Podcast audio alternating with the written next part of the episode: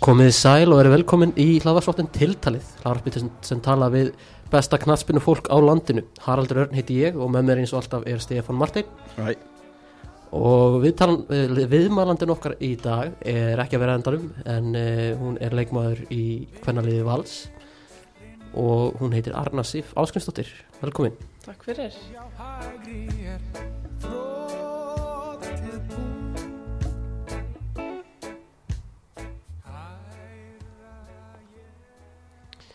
Já, þú velur þetta lag, hérna, getur eitthvað sagt okkur ástæðinu fyrir því? herra ég og þú Já, þetta er bara svona eitt af mínum uppáhaldslögum, búin að hlusta á þetta mjög lengi, eða hlusta á hjálma mjög lengi og, og hérna þetta, þetta er svona my go-to, go-to lag. Ok, það er kannski byrja á því að, að hérna, að svona disclaimer, ég og Arnar erum bæði búin að vera veik, þannig að það gæti verið að við hóstum hérna á og til, ég vona, ég vona að það tröfbíl ykkur ekki hérna neitt. Nei, og kannski taka það fram að ég er ekki svona djúbrötu, þetta er, er kveðið sem er að tala. Já, ég vona að fólk getur hort fram hjá því, Já, já, en hérna, við liðum þetta dembu okkur bara í, í hliðina. Það er eh, eins og ég er búin að segja, en þú mátt endur lendur taka, fullt nafn. Arna Sif Áskumsdóttir. Ertu með einhver gælunöfn? Uh, já, ég er með, með nokkur, ég er hérna svona fjölskyldunum mínum, fjölskyldum meðlumum mínum er í kvöldu Adda. Uh, Sif er mjög vinsalt, eða Sibba, Sibbó jável. En annars er það, annars er það oftast bara Arna. Adda er svona, já, kannski mest nota. Já. Uh, aldur? Uh, þrítug, 31 á árinu. Já. 92 þá? Já. All right, og hjúskapastaða? Uh, í sambandi. Ok, það er svona, hvað er, hvað er þetta núna, one for ten eða eitthvað hjá okkur? Já, ég Já, það er, það er allir í sambandi sem Já. komið. Hvenær leggstu þinn fyrsta leik með meistarflokki? Herðu, mm, ég leik minn fyrsta leik með misturflokki í lengjubekar, allir hafi verið mars 2007. Já, Minni mig móti FH í bóðanum. hvað er, 15 ára gömur þá? Uh, að verða á 15. ári var ennþá bara 14. Einmitt. Já, einmitt, ég hérna var að skoða, uh, ég sá að þú varst með hin, aðra hinnahlið Já, á fótbolta.net. Er það ábygglega þá frá þessu ári? já það, er, ó, það er svo pínlegt að lesa í gegnum þessa Já, ég las í gegnum þetta, sko. Það var mjög fyndið. Já, 14 ára Arna sig hérna Mhm. að, að, að, það var já, ég, held ég, ég held ég að fengi borga fyrir að segja eða nefna einhverja aðila eða eitthvað svona, þetta var allt saman mjög kjánulegt. Ég mæli með því að fólk googli það Skemmt, Það er skemmtileg lestur sko Já, krútlegt. Uh, Uppáld strikkur þinn Uh, uppbólstrykkur, ég um, ætla að segja Pepsi Max. Ég er alveg pyrrandi sjúk í Pepsi Max. Já, ég er alltaf að reyna að hætta því en svo einhvern veginn kengur það aldrei Er það bara venjulega að það ertu að fara í þessar bræðtegundir? er oftast bara venjulega. Læmer kemur sterk inn svona stundum en, en er oftast bara venjulega. Ertu einhver áfengu? um, já, ég er ekki mikil áfengis kona sko en, en ef, að, ef að ég fer hérna á okkur skrall þá er það oftast bara eitthvað svona kvítvin eitthvað voðalega sætt og ég er ekki mjög góð í þessu. Nei, nei, það er líka bara. Sumir eru þannig. Já, já. Uh, Ertu með einhvern uppáld smatsölustaf? Uh, uppáhalds matsölustað já, ég er svona það sem ég fer oftast á er öruglega Serrano um, hérna hvað heitir það aftur, Lamp Street Food hefur verið að koma mjög stert inn síðan ég kom söður þannig að þetta er svona, þetta er svona tveir uppáhalds myndi ég segja Ekkert svona eitthvað fínt út að borða eitthvað svona? Jú, þú veist, þegar maður gerir velvissi þá ég er, er mikið sushi kona mér finnst mjög gott að fara hérna sushi social, það er svona uppáhalds veitingastæður minn. En, en þú það kannski þarfst að skera halvan handleikin af ef þú ætlar að fara þangað oft. Einmitt, Það er svona- það er svona, svona luxus já. Já, Susi Social er geggjaða staður sko. mm uh, Hvernig bíl áttu? herri ég á sjálf hérna Toyota. Kefti mér, ég var nýkom bilbróf uh, alltaf að verið 2009 þá var ég voða spennt að kaupa mér hérna minn fyrsta bíl. Og ég á hann ennþá en ég keiri ekki á hann í dag. Hann er alveg að láta lífið, elsku kallinn. Ég, ég keiri um á, á hérna bara svona bílugubíl sem er líka jaris en ég á mjög erfitt með að sleppa bláu þrjuminu minni sko þannig að hún Bláa þrjumann bláa Það þrjuma vin- situr bara hann ekki staðar og, og rótnar elsku, elsku kallinn Það er alltaf, alltaf sjarmi yfir svona þannig að eldri bílum sem maður, maður gefur nafn sko. Það er, Já, svo veist, Er- hann, hann, erfitt geng, að- hann gengur nú undir namni Júbi reyndar. ok Hann er kallað Júbi eða Júbi og hérna, og já, bara, var náttúrulega bara badd því ég kaupi hann bíl og, og ég á svolítið svona tilfinningarlega tengsl við hann, þannig að ég á mjög eftir með að sleppa honum, en peninglega sér þetta ótrúlega heimskuld hjá mér, þannig að hann er bara býður þarna og ég borga á honum, en, en hérna, en það er bara svo það er, það, ég þarf að fara að taka ákvörðun um það. Já, já, það er bara svona bara, uh, selur hann í parta og farið, að- farið þú veist ég veit ekki, einhver smá part til þess að setja upp vegg eða eitthvað smá, minn, smá minnjagrip. Herðu, ertu með einhvern uppáld sjónvastátt? Herðu, ég er, þegar kemur að sjónvarp er ég ræðileg. Ég á mér, hvað á ég að segja, þrjá, fjóra uppáhaldstætti sem ég rúlla í gegn aftur og aftur og aftur og aftur. Þetta er klítur um einhver geðbelun, sko. Það er hérna Friends, ég vörgla sér Friends svona 76 sinum bara allt saman. New Girl, Já, ég þór ekki að segja hvað ég er búin að sjá það oft. Uh, Brooklyn Nine, það er saman með það. Og svo horfði ég reyndar á Modern Family, ég byrjaði nú bara á því fyrra en ég er öruglega búin að sjá það svona tólsunum allt saman þetta, er, þetta er ekki lægi sko. þetta er eitthvað allt mjög góð völ sko já, þetta eru, þetta eru mjög góð þættir en, en ég er svona manneskjan eins og núna bara síðast á æfingi dag voru stelpunir að tala um eitthvað þátt bara, þú verður að, að kíkja þannig að gegja þér og ég held að já, ok, spennandi. Og ég er aldrei að fara að gera af því ég byrja aldrei á neinu nýju. Nei, nei. Ég fer frekar heim og, og seg, kveikja á njúkarli í, í sko, ég veit ekki, 15 stakka skipt Já, já, Þetta er aldrei inn í svona raunveruleika þetta svo þú veist, Lovaland eða neitt svo leiðis Nei, sko, ég, þegar kemur að svona raunveruleika þáttum sem að, þú veist, ég er svo vandræðaleg mannskja. Ef það er eitthvað vandræðalegt að gerast, þá verði já hroll um allan líkamann yfir þessu lofaland og öllu þessu dæmi, sko, ég get ekki horta á þetta. Þú fýlar þá ekki svona vandræðan húmór eins og Office eða eitthvað Nei, og, nei, ég er, sko, kærasta minn horfur mikið á Office og ég er svona reynd að gefa sjans, en ég, ég, þetta er ekki nátt til mín, sko. Nei, Mér finnst þetta svona, það er bara karakter sem færi töðnar á mér og mér finnst þetta hallarslegt.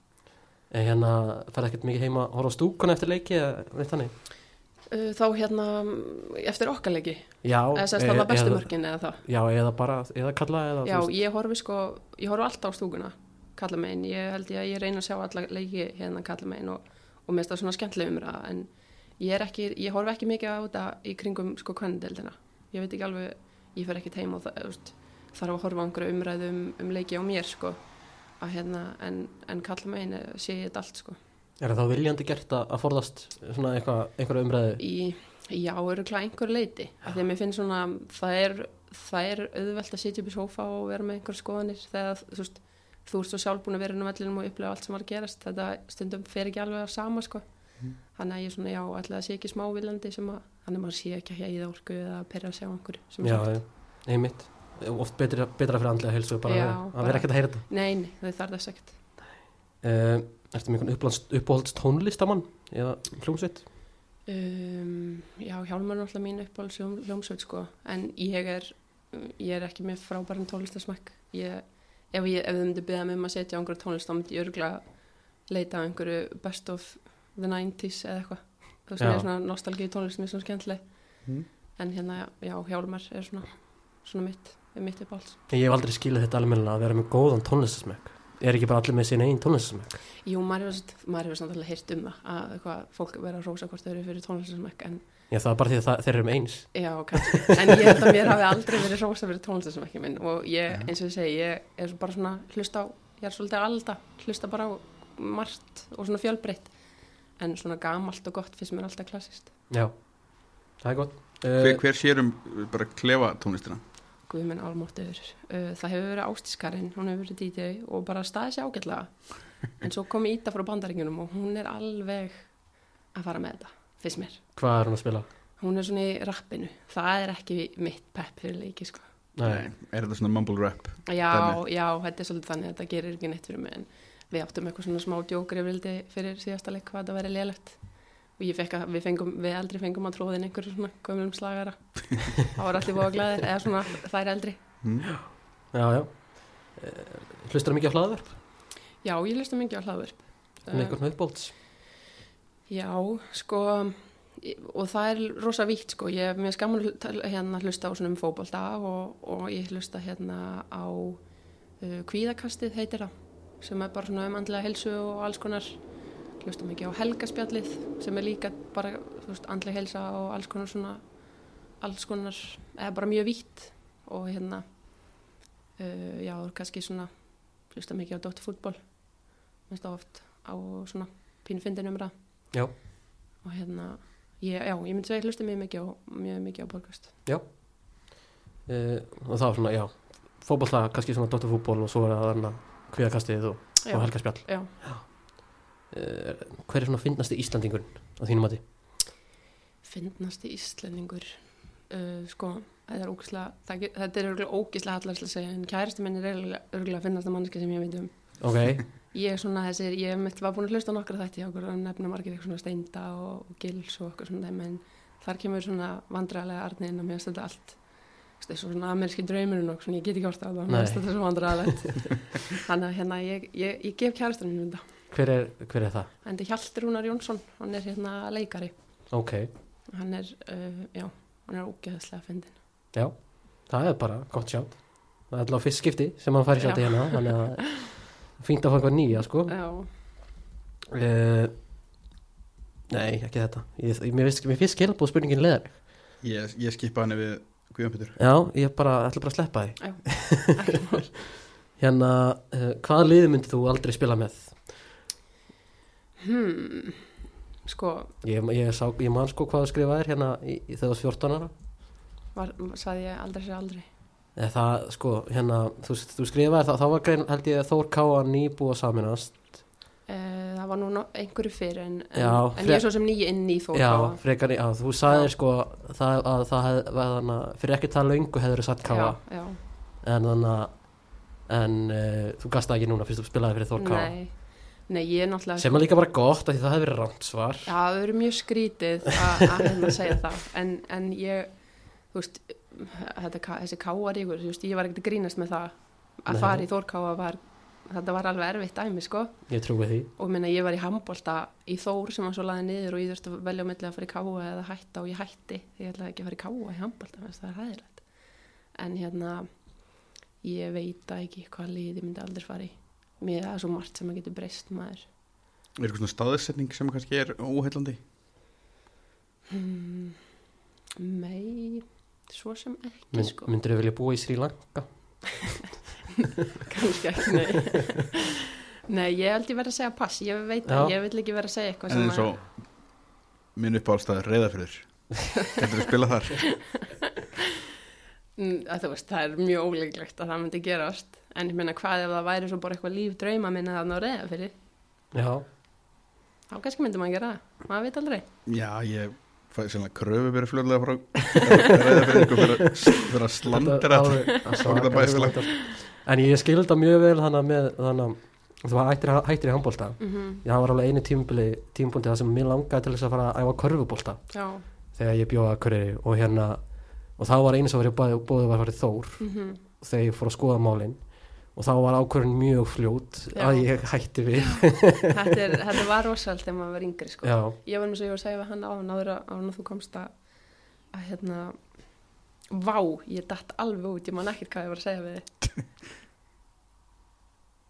Það kemur kannski á eftir. það, kannski, Þetta kemur það kemur til mín. Uh, maður setur besta leikmanninu sem þú hefur mætt.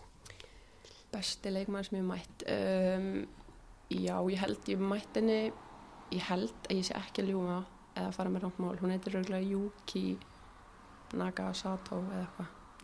Hún getur verið múin að, ég það ekki alveg. Hún spilaði með Potsdam. Þór Ká spilaði með Potsdam með mistardilin 2011 og þetta var eitthvað mesta rugl sem ég hef uppláð hvernig leikmann var hún? hún var framherji og hún var sko hún stopp, þú veist, hún, hún, ég þurfti að hafa áhugjur hann allan tíman því ég vissi aldrei hvað hún var, hún var svo góðilega týna sér svo hún sko nöyt sterk ég er nú alveg sterk en ég var í sko byllandi basli með hana. Svo mættum við henni aftur á hérna uh, Algarve Cup með landsliðinu 2015 langar með að segja. Og það var að sama mér hún bara ógeðslega góð, hún er örgulega hætt í dag en, en það er svona sterkasta leikmar sem ég hef spilað á móti, hugsa ég. Já, hún komið 15 annarsleiki já, þannig að og það er, og það er líka þannig að hún sem var í sterkust sem að mætti annarsleiknum með það Já, ég hugsa það, ég, þú veist, af þessum 15, le le 15 leikjum þá er ekki margir uh, byrjunalisleikir og þetta er svona kannski eitthvað að koma inn á hér og þar og, og kannski, þú veist, já, ég held að á móti kannski svona lagari, lagari þjóðum eða þannig. Og hérna að ég held að, ég, já, ég myndi nefna, ég myndi alltaf halda mig við hana, sko. Já, hvað sér, Yuki Ég heldur hún þetta Yuki Nagasato Nagasato Eða hún sé búin að sko, ég var einhvern eitthvað, einhvern tímann að googla hann fyrir nokkrum árum og hún er, hvort þessi búin að taka annað eftirnafna þegar hún er gift eða eitthvað Já, eitthvað já. svona, eitthvað aðeins öðru þetta. maður á ekki að gera það þegar maður fótboltamaður Nei, ég veit það. maður, þannig að þá, þá, þá hætti fólk að vita hvað Já, nákvæmlega. uh, hver er besti þjálfarin sem hefur þjálfað þig og af hverju er það Donni Donni er minn maður, hann er geggjaður þjálfari. Hann er, hann er á listanum sko, en minn, minn uppáhalds er hann í hérna Jóhann Kristinn Gunnarsson sem er með Þórká núna. Hann, hann tekur við okkur 2000 og, eftir tímbil 2011 og gerir okkur Íslandsmeistarum 2012 og í rauninni gerir mig að miðveri. Ég var sko hérna byrjað sem sender, var sender upp alla yngreflokka Já, ok, svo svona eftir ég fór að spila með mestarflokki fór ég að færa staðins neðar og neðar og, og var svo bara búin að vera miðumæður síðan ég byrjaði í mestarflokki sko en, en svo bara fyrir mót uh, bara kort er í mót ég held að við náðu einum leik í Hafsend áður en tímbili byrjaði og hérna við erum bara búin að vera þar síðan og hann, já, ég hang svona pínu gerða með allum leikmenn sem ég er í dag sko og bara svona, þú veist góð samskipti og, og hérna veit ógeðslega margt um fótbolta ógeðslega klár og og hérna, já, er svona og held ég mun alltaf vera eða mínum uppáhalds en ég verð samt líka að gefa Pétri Pétursinni smá sjátt, hann er bara, með, ég kom eiginlega í val að þeim er langað að spila fyrir hann. Hann var búin að sína mér mjög mikið náhuga síðustu ár, sko og bara búin að gera frábæra hluti með þetta, val, með þetta valslið. Og hérna það er, er frábær þjálfari og svona svona, þetta er svona pínu öðruvísi kannski að þegar maður er hann eldri og hans þroskari en bara svona, svona þetta er svona gagkvæm virðing upplefi ég þú veist að, að þú hafir einhverja rödd og fáir að, að segja hluti og hafa skoðanir og þú veist það er þetta hann getur leitað til mín og svo öfugt og, og, og mér þykir mjög vænt um það samband sko. Þannig að hérna, já, Jói er, Jói er nummer eitt og, og Pétur kemur hann kemur hann nummer tvö. Varstu aldrei eitthvað að pyrra það á því þegar það var að færa þig aftar á allir Mm, Nei, nei, svo sem ekki sko, þú veist ég var náttúrulega, þú veist, í yngri flokki ég var bara, þú veist, ég var fúlsæs, ég var í fymta flokki sko, þannig að veist, ég kannski hafði það svolítið fram með þér aðra, ég, þú veist, gætlega upp rætt og var sterk, bara svona hljóp mig í gegnum þöguna í rauninni sko, skoraði fylgta mörgum þannig, en, en það kannski svona fór að henda mér aðeins betur eftir ég var eldri að vera á miðinni og vera meir í boltanum og svona. En, veist, hafsend staðan, þetta var ekki eitthvað sem ég ætlaði mér sko, Nei. þetta var svona neyðar, neyðadæmi en svo bara fann ég mig strax eila frá byrjun ótrúlega vel og, og hérna og þú veist, ég er, er ekki að fara að spila miðju aftur sko, en nei. þú veist, þetta er ekki eitthvað svona bara að snúsa við. Þannig að hérna, neini, alls, alls ekkert einhver svona pyrringur, þetta var bara gaman. Og kannski hjálpar það til að það gekk vel. En við höfum verið að tapa þú veist, öllu, þú veist, þá væri ég röglega að segja eitthvað allt annað núna sko. Þannig að þetta var bara, já, mjög skemmtilegt sko. Já.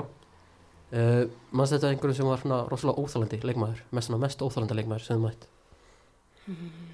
mest óþólandi sko, ég þoldi ekki öllu baldus og það var bara einhver, ég var búin að titla hana sem leiðilegustu manneski á Jærðaríki já, svo leiðilegt að spila mótinni og alltaf með einhver kjaft og eitthvað töð ég veit ekki hvað ég er búin að segja henni Ég- má segja þegið því sem þetta já, ég, það má segja hvað sem er sko. Ég veit ekki hvað svo oft ég er búin að segja henni grjót halda kjafti sko. bara gerðist nokkur sinnum í leik. En svo er þetta bara eina af mínum betri vinkunum í dag. Það já, ég held að hún, hún fær það og, og hérna það gæti líka nefnt hana hérna hvað heitir hún, F- eh, Freyja Karin, Katrín Freyja í þrótti framherri maður hálsbrotnar alltaf smáð eftir að spila mútið henni. Já, ég held að hafa ekki klikkað sem ég vakna ekki daginn eftir og ég er svona kortir frá að vera hálsbrotin því að hún kemur alltaf og keiri svona seint inn í því þannig að maður fær svona átta sem svona nikka hálsin og fyrir eldri konu er það ekki, ekki það besta. Nei, þannig að já, við myndum alveg segja að hún var smáþólandi já en hérna, ég, þú veist, fyrst þú segir þetta hérna með öllu baldur þá kannski hérna uh, hoppa yfir í aðra spurningu sem á að koma seinna. Hérna, er hún þá kannski þá leikmaður sem að uh, hefur komið mest á óvart eftir að kynntist henni Já, það, þú veist, það má alveg segja það af því að eins og ég segi, ég var alveg með sko ánæmi fyrir henni með ástand svo leðileg þegar ég var að spila mót henni. Og ég kynnist henni sko fyrst held ég aðeins í gegnum hérna uh, landslið. Uh, það, við vorum í einhverjum, einhverjum hópum hann á saman tíma og, og svo náttúrulega varð bara m- mjög gott samband á mill okkar strax og, og veist, meiri segja meðan hún var í val, ég var alltaf að reyna að fá hann á norður. Meðan hún var í val og ég var fyrir norðan veist, ég spjallaði alveg við hana og, og hérna en svo bara, veist, eftir að ég kemur val það var, það var líka smá partur að því. Ég, ég, mér langaði að prófa að spila með henni vera með henni í liði. Og þetta er bara algjör, algjör gull kona og það er ógeðslega gaman að henni og, og hérna gott að leita til hennar og bara gott spjalla við hana. Já, en það má líka nefna samt Pálumari sem svona einhvern sem hefur komið mest óvart. Já, spilaði með henni í val því ég var þar síðast 2016-17 og það var svona sama, sama ég var alveg, hún var svona svipu típa atta, svona alltaf með kæft og, og eitthvað að rífast. Og ég mun aldrei glema því ég var nýbúin skrifundur og hérna skrifundur samningi val og átti að mæta mínu fyrsta æfingu labba, við vorum held ég inn, bara innhámsfóbalta í, í hérna gamlalsalunum og og ég labbi inn á fyrsta mannskan sem ég sé var Pál og ég var bara, guð minn almáttur, ég var búin að gleyma hún að væri hérna að því hún var í batningna leifi ára áður eða eitthvað. Og ég bara, hvað er ég búin að gera? Bara er ég alveg að fara að vera með þessar mannskiliði og svo var þetta bara, hún er snillingur sko, ógeðslega ógeðslega skemmtilega og bara frábær típa og ég held að þetta sé, þú veist, það er svona með marga, þú veist, fókbaltinn svona brings out the worst in you pínu sko. Já, já. svo kynnist maður þeim og þetta er allt og ljúar og góða Þetta, er- það er náttúrulega margi leikmenn sem er bara bara önnur, annar persónleiki inn á vellinu og, og utan sko. Mm Þú veist, ef ég hefði fengið undrakall fyrir hvað skipti sem ég hefði heyrt að ég væri, að fólk held að ég væri svo mikil tussa, Já, ég væri svo rík í dag. Þetta er bara, þetta var svo algengt bara, ó, ég held að þú væri svo leiðilega þú er svo mikil tussa, bara geðat fín. já, besta vinkon mín í dag, hún, var hrætt við mig þegar hún kom með mig Þorka mestralokk sko. bara ég held ég væri eitthvað skrimsli af því að það er svona, þú veist kannski er maður með læti og svona stæla æfingum og í leikjum og, og hérna. En svo eins og ég segi, þetta er oftast er þetta bara voða ljúfar og góða stelpur sko. já, Þetta minnir mér svolítið á þegar við vorum að tala um Adamei og hann var að tala um á hann að samtíði val að þá hafa hann sendt á einhverja félagsina í val og spurt hversu erfiður haugupall var í já, ég og síðan var hann veist bara að ljúga í sin land já, þetta er, ég held að sé rosa margar svona sögur sko. já, já maður, þú veist, maður þekki það líka bara e, þú veist, eiginlega líka bara utan fótboltan sko þú veist, Mhm. bara að maður sér fólk og maður heyrir eitthvað af fólki þú veist, Mhm. og, og svo bara þannig að og byggir sér einhverjar þannig að preconception sko Mhm. og svo kynnist maður þeim og það bara þú veist og maður á, ég bara heyrði það bara frá vinum mínum í dag bara maður, maður, þannig að maður á ekki að vera að dæma fólk hérna þú veist fyrirfram. Nei, það er bara þú veist mm, maður getur heyrt ímsar sögur en maður veit ekki hver manneskinn er fyrir maður kynnist það sjálfur sko. Nei, ja, alls ekki sko. Og þetta er svona, þetta er, þetta er góði lær, svona lærdómur, þú veist að, að vera ekki að dæma fyrirfram og, og ég held að maður hafi alveg ekki sjá þetta oft sko. Búin að ákveða það vesta um, um hérna einstaklingin og svo er þetta bara einhver snillingur. Já, já, einmitt. Uh, hafið þau einhver svona sterkar fyrirmynd ég sko um, í mm, sko ég, það er enginn einhver svona leikmaður að semst, sem, svona kvennaleikmaður sem ég geti nefnt sem ég var eitthvað að pæli þú veist ég vissi alveg hver einhverja voru en, en svo er ég bara yngst af fimm sískinum sem að við vorum fjögur í fótbolta og kannski svona þær, þau voru svolítið mína fyrirmyndir í fótboltanum sko. Svona leit, leit mikið upp til þeirra og, og var held ég bara já, til að byrja með bara dregin á æfingu með þeim sko. Og hérna ég held að ég held að svona, já sko ég held að myndi flokka þau sem mína fyrirmyndir sko. Já, það er bara gott að geta átt góð sískinni sem mm, að það er klálega algjörlega. Uh, hver er svona sætasti sigurinn á ferðlunum mm, sko ég held að það sé ekki hægt að horfa fram á bara 2012 titlinum fyrir norðan. Að því að sko þetta var eins óraunhæft eða óraunverulegt bara og það gat verið. Ég held að fyrir eftir tímbili 2011, eh, 2011 2011 erum við hérna missum rosa marga leikmenn svona stóru póstan okkar. Og hérna úst, ég var að pæli eitthvað að fara líka því að úst, mér þetta ekki vera spennandi og, og úst, við vorum bara með hann unga stelpur og, og fáum inn þrjá stelpur á bandaríkunum sem að voru ekkert brjálagslega samfara til, til að byrja með. Og þú veist, eftir lengjubögarinn við töpuðum öllum leikjum í lengjubögar og ég man ég sendi mömmu minn SMS eftir síðasta bara ég er hætt, ég nenni þess ekki og ég ætla ekki að fara í gegnum svona tímbil svo hérna já, þú veist, ef ég hefði séð ef ég hefði verið anstæðingur og séð þetta leið á blaði ég hefði öruglega flissað. Pí- eða þú veist, þetta átti að vera svona þægilegur dagur bara á skrifstofunni og þetta var bara, þetta var draumi líkast og, og hérna eitthvað svona sem að maður svo veist, bjóst ekkit endilega við að myndi gerast þarna. Og hérna við semst við gátum öruglega tryggt okkur þegar voru þrýrleikir eftir. Förum, spilum mjög örfiðan leik í eigum gerum eitt eitt jafntefli uh, og tryggjum okkur svo heima bara unnum self og seldi í 9-0 eitthvað. Þetta var bara, þetta var svona þetta er smá toppurinn á, á ferlinum að því að svona meðan við hva, hvar maður var og, og hérna svona stöðuna á, á leiðan okkar sko. Þú veist þá, hérna, hefur þá mikið eitthvað á ferlinum glýmt við eitthvað svona, þú veist þessar, þessi moment það sem er svona bara erfitt að halda áfram? Um, Nei, ekki sem, ekkert sem kemur upp svona í fljótu bræði sko. Aðalega bara þetta, þessi þannig fyrir þetta tímbil Já, þetta var svona æ líka svo er það þannig einhvern veginn að eh, allan í gegnum minn feril, þú veist, fólk hefur oft voðalega skoðanir, svona fólki í kringum hann hvað maður á að gera og, og þú veist, já, allir þessi leikmenn farnir þú ert ekki að fara að vera þarna og þetta er ekki nóg gott og þú veist, eitthvað svona eins og eins og hérna eins og það sé eitthvað hræðilegt, þannig að þetta var já, ég held að ég fór með minnir, ég hafi farið og hafi með svo æfingi á breðablík sko. En, en hérna en það sem að Jói hafði að segja heitlaði mig mikið og, og ég sé ekki eftir eða sá ekkert eftir því Hvernig er það svona, maður heyri það ógeðslega oft með leikmenn að hérna já, planið hjá þessum þjálfara það seldi þetta fyrir mér mm. hvað er þetta plan sem að þeir eru að selja þér? Sko, þetta er náttúrulega bara þú veist ég held að sé alveg auðvelt að því þú ert bara að tala um fallega hluti um félagið þitt og allt er svo frábært og, og ég held að margir séu tilbúin til þess að segja meira en þeir kannski geta staðið við. En mér var svona þú veist eins og þarna þú veist ég var hvað á 19, 19, 19 ára sennilega og var bara þú veist búin að vera að vaksa og, og hérna búin að eiga svona þokkalega tíma, tíma fyrir norðan en, en það það sem að hann hafði að segja var bara hvað hann gætt gert fyrir mig og, og þú veist, einhver skref fyrir mig að taka til þess að fara ennþá lengra, þú veist, það að fara frá okkur, veist, núna er ekkert endilega betra en það sem við ætlum að gera, eða eitthvað svona. Og hérna, og það er að sama þegar ég skrif undir í val 2016 þá var Óli Óli Brynjóls held ég hann. Guði, ég búin að gleyma allavega Óli, bara þjálfa og fekk Margret Láru með á fundin og hún bara, hún seldi mér þetta á þrejum sekundum, Já, bara með svona þú veist hvað ég geti gert fyrir lið og hvað við ætlum að gera svona. Og hérna ég held að sé mér ég held að sé alveg eins og ég segi auðvelt að, mála upp einhverju fallega mynd og, og heilla leikmynd þannig sko. Já.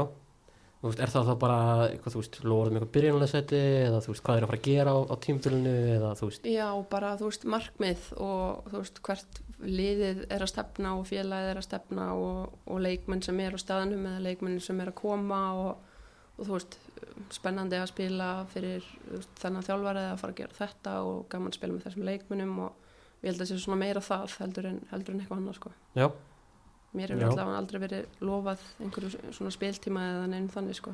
nei, ég bara, ég hef oft velt, velt þessu fyrir mér fólk, þú veist, leikmenn segja, þú veist, hérna, já, hann seldi mér þetta, þú veist, bara, já, Já. hvað er hann á að segja þannig að ég hef aldrei, aldrei verið á svona vindi en hérna, bara til að draga þetta þáttu niður uh, hver er mestu vonbreiðin á ferðinu? Mm, sko, það voru gríðaleg vombriði í fyrra að fara ekki áfram með meistardeildinni af því að þetta var sko einskoður dráttur og við gátum fengið og við vorum í hörkusens.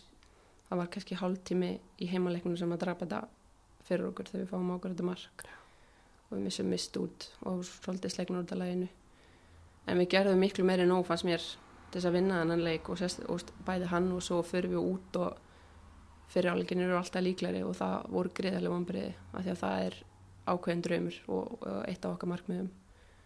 Og svo svona sem að með dettur í huga er uh, 2018 þá var ég Þórká að spila vorum að fara að spila meistaradeildinni við Wolfsburg. Og í dag uh, leikin, sem síðasta leiki deild fyrir það verkefni reyfi að kálfa og misti af hérna, heimaleiknum og var alveg bara eðalögð yfir því og ætlaði heldur betur að ná setni sem að ég gerði en ég spilaði 90 mínútur og var ekki búin að hlaupa í 6 vikur. Já, og þetta var ekki gróið þannig að ég hljóp svona eins og hross og byrjaði á núlbúndi aftur með þessi meðsli eftir leikin já, já þannig að það var svona pínu högg, högg í magan að- missa því Já, einmitt, þú veist, hvað er ekki, Wolfsburg bara náttúrulega bara eitt stærsta kvennalið í, bara mm í Európu, þú veist, þannig að skiljanlegt maður vill ná þeim leik, sko. Þú náttúrulega voru að tapa grátlega Já. Einmitt, okkar, okkar kona. Nýlega. Þetta var, var útrúlega þetta var rugglaði leikur sko Já, var svakalur Það var Mhm. sko Já, yfirspilaðar hérna í fyriráleikin samt kom þar í 2-0 já, og síðan kemur hann einhver 5 mínúna kapli bara upp á þessi íraháleik sem að það er bara bara eins og sér kildar gráðlegt, sko. mm En heldur með einhver lið í enska? já, ég er leifbúlkona Ok, einhver ástæð fyrir því? sko, nei, ég er búin að vera það síðan ég var krakki. Bara við vorum ég held að við sko ekkert á okkur sískinunum sem var í fótbolti held með sama liði þannig að það var mikill ríkur heima þegar, þegar okkar lið voru að spila móti hvort öðru og, og sko, ég veit ekki hvaðan þetta kom en uh, Patrik Berger var minn, minn maður Já, ok. og það getur vel verið að mér hafi bara finnst hann sætur eða eitthvað og ég hafa hvað að halda með honum og hans liði en hérna en ég, já, ég er búin að halda, halda með þeim síðan ég var krakki og áttu við þannig þannig áttum nokkur, nokkur erfið ár þannig fyrir nokkur árum og, og, en ég er ekki þannig stundin ég þarf ekki að horfa alla leiki hjá þeim sko. Ég er svona ef þeir eru, ef ég veit af einhverju þá kíkja á hann en, en ég er ekkert að missa mig yfir því sko. En það er nú skemmtilegt heimilis, það er ekki áttir fimm Jú, Systkini? já, sem, en við erum fimm fyrir eruð já, fimm. já, og þið fjögur öll, í öll, öll með sikkur liðinu. Já, og það var sko, ég mun aldrei gleyma uh, sýsti mín sem er tveimur um eldin ég heldur með Arsenal. Og ég er ríkala tapsár og var sko hræðileg sem krakki, ég fór alltaf að grenja því tapaði og það var allt brjálað einhvern veginn þegar Arsenal vann Liverpool og hún fór að stríða mér, ég fór að hágrenja og ég er ekki hiss, ekki hiss um lent í einum af okkar góðu slögum sko Já, yfir Liverpool Arsenal og Já. hvar voru hinsískinn? þau voru öruglega ekki að fylgjast með En með, við með hvað liðum halda þau? Sko, bróður minn var United og uh, sýsti mín sem er fjóð og sex árum eldri en ég var Newcastle. Já, já. Já Nei, Þetta er, hérna, þetta er skemmtilegt heimili. Það var alltaf nákvæmst ríkur þannig. Já, já, nákvæmlega. En hérna, ef þú fengir að velja einhver leikmann úr deildinni, eða bara, bara uh, einhver leikmann úr öðru íslensku liði í, í þitt lið, hver myndir velja? Hmm, einhvern úr íslensku deildinni. Þetta er frábær spurning. Vantar, þannig, vantar einhver einhverju stöðu þannig? Nei. Ég held ég mm, þyrfti ekki að taka neitt. Bara búið að glöða með liðið mitt eins og það er. Já, kannski einhver, einhver móralskan á bekkin, eitthvað skemmtilega. Einhvern mál, sko, bakkin.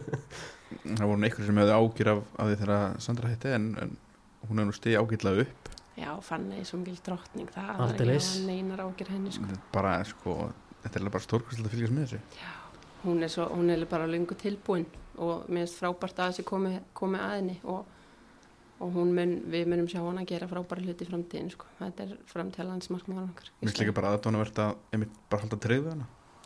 Ekki fara bara í eitthvað panik og sækja bara eitthvað. Nei, nei við náttúrulega við sóttum, við sóttum hérna að við náttúrulega þurftum að bara vera með varamarkmað líka. Mm. en, en Fanny hérna er búin að koma ógislega vel inn í þetta og þetta er bara svona það er þægilt að spila með henni. Hún er, þú veist, þú serði ekkit endilega eða finnur ekkit endilega á henni að hún sé átjónara sko, Mm. bara útrúlega yfirveguð og, og talar mikið og, og vill, vill rosa mikið læra hún nýtir sko alla sensa til þess að koma að spurja þú veist, ef leikurinn eitthvað stopp, þú veist, hei, á ég að gera þetta svona, á ég að gera þetta svona, viltu þetta svona, svona, svona og þú veist, hún er Mm. bara rosa vilju til þess að verða betri og búin að, já, eins og ég segi, hún er, hún er algjör veist, það hefði bara verið svo auðvelt einmitt bara einmitt að sækja eitthvað eldri bara þú veist, sækja eitthvað reynslu þannig að það er bara aðdónavert að þú veist, hafa ekki gert það, það er bara tekið sensin Algjörlega. Og, og bara staðafallið með því. Já, og við höfum bara frá byrjun, við stöndum alveg, stöndum alveg hérna með henni í þessu sko og, og bara, þú veist, það er bara mikilvægt líka fyrir okkur að hjálpa henni, þú veist, að hún bara fái að koma svolítið svona þægilega, eh, ég segi kannski ekki þægilega en svona nokkuð örglega frá sig og, og hérna að séum ekki komin í einhver bölvu vandræði eða eitthvað svoleiðis. Og hérna þannig að bara svona, upp, svona hennar fyrsta upplöfun síðan svolítið jákvæð og, og fái bara sjálfströst og, og reynslu. mm. Einmitt.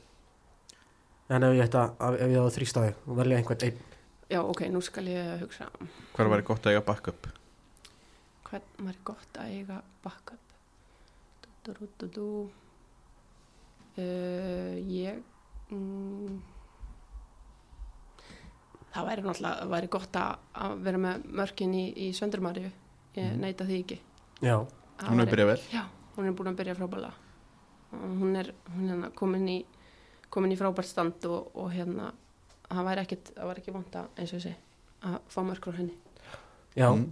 má ég ekki alveg spoila því að við erum múin að tala við hana? Jú, Já, hún ætlar, þannig að þegar hún finnur tíma alltaf erfitt, erfitt fyrir hérna land, þannig að fá fólk lambiðin á landsbyðinni sko Mhm. og, og þannig að svo að hafi tíma hérna í bænum til þess að koma og taka upp þátt með okkur. En þegar hún hefur tíma þá ætlar hún að- koma Já, til okkar. það er bara gegja þannig að við getum verið byggðið byggð spenntið til því. Uh, hver er hver finnst þér að vera svona efnilegasti knattspinnu maðurinn eða, og eða kona landsins? Um, svona efnilegasta efnilegustu knaspinu konunar uh, Katla Tryggva í þrótti er ríkalt efni mm. og hefur alla börið til þess að vera frábæleg maður og ég verða að nefna mína konu Fanny líka þar. Mm ég laka ekki eðla mikið til að fylgjast með henni í framtíðinni. Um, efnilegasti knaspinu maður höfum nú fengið þannig að svarið. Kallar tryggva áður. Jú. það var Já, þannig hún er hún bara ótrúlega hæfilegur yfir leikmaður. Það verður mjög spennt að fylgjast með henni. Já, já, ég var aðeins, aðeins verið að, að hana, horta á einhverja nokkra þróttarleiki núna í, í, sumar og þetta er sko sendingagetan fyrir, hvað, hvað er nú gömul? 17 ára eða hvað? Nei, ég ætlum sé ekki átján Já, þú veist, þessi sendingageta er bara klík sko. Já, bara svona eiga fyrir spili hún er, hún er klár bara svona með við konir eða svona fótbolta klár og hérna, já, býr yfir gríðalum hæfileikum Mm. og ég er að reyna að sjá fyrir mér einhvern ungan efnilegan knastminnum Við, já, svörin sem við fengið svolítið er Kristján Nökkvi sko í Já, Ajax já, já, já. og það var- ekki einhver sem sagði Hákan Arnar. Já, en hann er svona deila hann er bara orðin góður. góður sko. og já, svo var þið, já, einhver sem sagði Ísak Andri eða ekki? Í stjörnunni. Jú, já, hann, hann er ríkala efnilegur. Já, það er alveg ótrúlega hann að breytir þessu- hint. já, já, takk fyrir það. Já. ég, ég, hérna gef Ísak þetta hann er hérna ótrúlega skemmtilega leikmaður og, og hérna sýnir sig kannski svona hvað hann gefur þessu stjórnulegi mikið þannig að hann var ekki með. Einmitt. Svo kemur hann og, og, og þeir hvað voru þeir ekki? Með tók og stórsigur? jarðið okkur káamenn hérna. Okkur káamennin sí, það var þannig það var ekki góð færi í garðabæðin þá. Nei, en hérna var ekki einhver, einhver að tala um að hann ég var að hlusta, ég man ekki hvað podcastið það var þannig að sem var að segja að hann var líka til bara verðmætasti leikmærin í dildinni já, já, svona með að við getum og aldur jú. Og maður er ekki, ekki me- ósynlegt nei, það meikar alveg sens. Svo líka er náttúrulega eitt sem að var verið að staðfesta bara í dag held ég að fa fari ekki með 19 Náttúrulega Oresteinn, Óskars, já, hann er mikið efni. Já, einmitt. Svona til að deyta aðeins hvernig við tökum þetta upp. Já, tökum þetta upp sagt mánudeginum áður þetta kemur út. Um, já, þú segir Ísak þá. Já, hann er, hann er ógeðslega góður. Já. Uh, hver er fallegasti knattspinnum maðurinn á Íslandi? Fallin og nú veitum við það að þannig að maðurinn hennar er, er er ekki fótboltamaður. Ekki fótboltamaður. Við nefndum svolítið mikið í því sko. Sko við getum náttúrulega orðað þetta þá, þú veist, hver er myndalegasti það má. Já, ég, hann er ekki að fara að taka þessu illa sko. Nei, það er bara tilfallegt fólk líka. Það er það. Maður verður að fá að hérna horfa í kringu sig. Eða þú veist eða skilur ég skil horfa, horfa á, maður verður að fá að horfa fólk. Maður kemst ekki hjá því. Nei, uh, fallegasti Gott save. knaspinumæðurinn já, það var, mjög, það var mjög gott sér þannig að þá fattaði bara um leið og ég sleppti orðinu hvað ég orðaði þetta sko. Uh, ég mm, mm, ég ætla að segja Matti Vill já, hann er hrikalega myndalegur hann er svona þú veist, rugged svona. Mm -hmm. Alveg. kjálkalína. Að Já. einmitt sko. Ég hérna já, ég er bara alltaf ekki sefni með, með mér það uh, en fallegasta knaspinu konan mm, það eru nú marga fallegar um, Ég ætla að gefa minni konu Hildibjörg Búadóttir sem er uh, liðsfélagi mínum all. Já. Ríkala sæti stelpa. Flott svör bara Mm. uh, Hver finnst þér að vera besti knaspinumæðurinn eða kona á Ísland á, frá uppæði? Um, eða, sko, þetta Ronaldo Messi reyfrildi. Já, Ég hef alltaf verið Ronaldo megin. Já, já. En ég held samt að ef ég á að vera eitthvað heiðaleg og líta fram hjá því þá held ég að ég myndi segja Messi sko. It's inevitable. Já, svolítið. Þetta er- eftir, Nefnum þetta eftir í mótþróan þá, fær minn maður Ronaldo þetta sko Það er nefnilega sko, ég held að við fengið, ég veit ekki hvort sé fjó, þú ert fjóruða eða fymta Ronaldo manneskjan sem kemur Messi. sem segir Messi. Já, mér sko, hann, hann fór svolítið ítla að hérna, eða hann svona, hvað maður að segja, með að hann leiðilegur hann undir restina United með einhverjum svona stæla Já, og alveg hægt að kaupa það. en þú veist, jú, ef ekki að gefa Messi þetta bara. Ég held að, En hver er þá svona besti knastum maður eða kona frá Íslandi? uh, besti, ég ætla að segja glóðsperla. Já, bara Mhm. frá upphafi bara. Já, ég held að fólk get, get alveg verið sammála með þar. Ég Mhm. kaupið alveg sko. Mér finnst hún bara, ó, ég er bara á mjög fá orð til þess að lýsa henni, sko.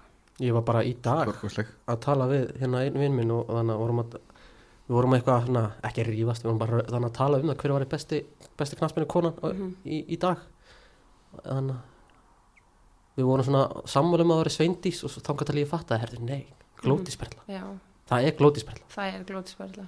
Já, Það er bara, já, hún er bara, býr yfir, hún hefur allt, allan pakkan. Mm. Og það er bara, já, eins og segi, ég á mjög, mjög fá orð til þess að lýsa henni og aðdáðan minni á henni, sko. var hún ekki, hvað, var hún tíunda Jú. besta í Evrópu bara Jú, eitthvað jú, hún er búin að vera stórkostleg uh, á tímbilinu með bæjarn og er bara alltaf góð með. Þú- hefur, hefur einhver íslensku leikmar þú veist, að ég veit ekki Margrét Lára eða, eða, eða Sara Björk eða eitthvað, hefur kannski komið komist á einhvern svona lista Ég held ekki svona ofalega, nei, það er nokkuð ég held ekki. Ein, einhver þarf að Það er ekki skoða nema þetta, sko. Sara Björk líklega Já, ég er bara, ég er, en ég er samt ekki viss um það, sko. nei, ég mér einhvern veginn frista ekki sko. ég held að það sé alveg líkur á því að, að, að það sé engin, engin sem er komið svona hátt á einhverju svona lista sko. Nei. það er ekki bara, bara líkur á því þú veist, kannski bara hún mun bara íþjóttum að rásins eða eitthvað Jú, það allavega væri erfitt að horfa fram hjá henni með við bara svona áriðinar. já, mm. það var allavega nýtt andlit þannig að í, í, í það, það var í skemmtilegt. En uh, við förum aftur í listan Mm hver er uh, mesti höstlerinn í valsliðinu? Mm, þetta er mjög góð spurning, þetta er allt eitthvað harðgift lið. já, bara eins og bara knatspinu heimirinn á Íslandi verið störa í dag. Sko, ég ætla samt að, ég ætla samt að setja þetta á íd. já, Ég held að hún sé lúmsk. bara einhver svona giskun Já, að því að ég held, ég er held sé ekki ekki á flest aðrar er í samböndum, en ég held samt að hún leina á sér. já, Mm. ok hver er þá uppáldstæðurðin á Íslandi og af hverju er það hverju Af því að Akureyri er besti staður í heimi. já, Það er svona Það er uppáhaldstaðurinn minn í öllum heiminum. Steppi er baka við veggina sko er tveir akkureringar mót einum nei, Já. einum ein- ekki. Já, uh, rétt svar. Mm uh, til hamingið með það. Segðu okkur frá skemmtilegu atviki sem hefur gerst í leik. Skemmtilega atviki sem hefur gæst í leik. Mm, má það vera bara hvernig sem er? já, ég hef bara Sko, þau, ég er með eina, ég held að ég var að vera í yngri flokkum. Ég var sérst, spila alltaf upp fyrir mig því ég var í yngri flokkum. Já, og var að spila með sýstu minn sem er tveimur ára eldri en ég sem var bara mjög efnileg líka. Og við vorum að spila á pæmundunum Siglufyrði þegar við fáum vítaspinnu sem að ég ætlaði að taka. En ég átti ekki að taka hana. Hún átti að taka hana. Og við rifumst innan vellinum þó þjálfarnir voru búin að segja að ég ætti ekki að taka þessu vítspinnu og ég misti gjössalega stjórn af skap mínu og sparkaði í rassin á henni og var tekin út af og fekk ekki að spila með þessi í þeim leik. Já, einmitt. Ég, Svona núna þegar þú saðið söguna þá man ég eftir að þú saðir akvað þetta í gömlu Já. hinn hliðinu. Já, það, þetta má aldrei gleymast. Nei, ég var að segja bönnunum mín frá svona hann maður sér ekki. Nei, já, ég er alltaf að búa, að búa til skemmtilega sögur sko. Góð þannig Já, Já, þetta var lýsið mér svolítið svona sem, sem krakka í fólkta mikið skap. Já Það hefur verið nú flesta meina, maður verður að hafa smá skap til Já, það er til Það þess maður að það líka að stjórna því. Jú, einmitt. Það þarf kannski ekki að vera að sparka í leysfélagin að þú fær ekki að taka vítspinnur Nei, það er svona kannski óþarfi. Ég, held að það, ég veit ekki hvort að það er sérst mikið í allavega atvinnuhólta sko. Það er mjög ólíklegt. Já, Já, nú var hefast um vítaspinnu þannig eigum Var ekki sumar? Það var Það var í Síðsumar Andri Rúnar var það að taka viti Algjörlega. og hann að já, já, hann hérna var ekki Elvis? Nei, það var ekki einhverja- það var hinn gæinn. Það kom annar gæinn, eitthvað bresku gæi sem bara heimta að taka þetta. Já, Tók- já, Hann ætlaði ekki að rétta hann um boltan Hann sett hann alltaf svona fyrir aftan bak. Já, neða, síðan enda á því að An- Andri enda á að taka vitið og klúraði því. Já. alveg rétt. Eftir, var það ekki eftir bara hemmi tók trilling bara og sagði, var hann á hlilinu og sagði um að, Já, þetta var já, synd Ekki það að þrýr tímar og 20 mínútur var alveg nóg. Er það? Við erum alveg með, hann sagði það alveg eftir þáttinn sko, við vorum með efni í part 2 sko. Fá hann aftur. En hérna, já. Ertu með einhverja hjátrú tengda fótbolta? um, Nei, ekki dag. Ég, Nei. var, ég var svo leiðis, ég var yngri Þú veist, ég, hérna allt þetta með að fara í eins og þú- ég hef heyrt að þið hafi spurt með þú veist, vinstri fyrst og svona, ég var alveg þar og alltaf að spila í sum brókinni, alltaf í sama hlýrabólnum Það er að milli? Ha, já. Já, já, já, já, þetta var allt saman í þátt. Já, uh, Já, ég þurfti alltaf svona að, að, ég var mjög ykt með þetta en svo náttúrulega meikar það engan sens svo bara tapar fótboltalegjum og þetta breytti engu fyrir þig, Nei. eða skilur þannig að ég nenn- nennti nú ekki standi þessu mjög lengi en ég er, ég myndi segja að vera mikil svona rútínu kona mm. í kringum, í kringum fótboltan, ég vil svona svona sérstaklega að þú veist daginn fyrir leik og leikdagur, þetta er allt, allt svona frekar svipað og ég vil helst hafa svona þannig. Er þið þá, þú veist, farið þið á, alltaf fyrir leik, þú veist, á matslustastaman eða eitthvað? Nei, við gerum ekkert svoleiðis. Nei. við, hittumst ekkert fyrir og borðum það getur vel verið að svona ein og ein gera það einhvers staðar saman.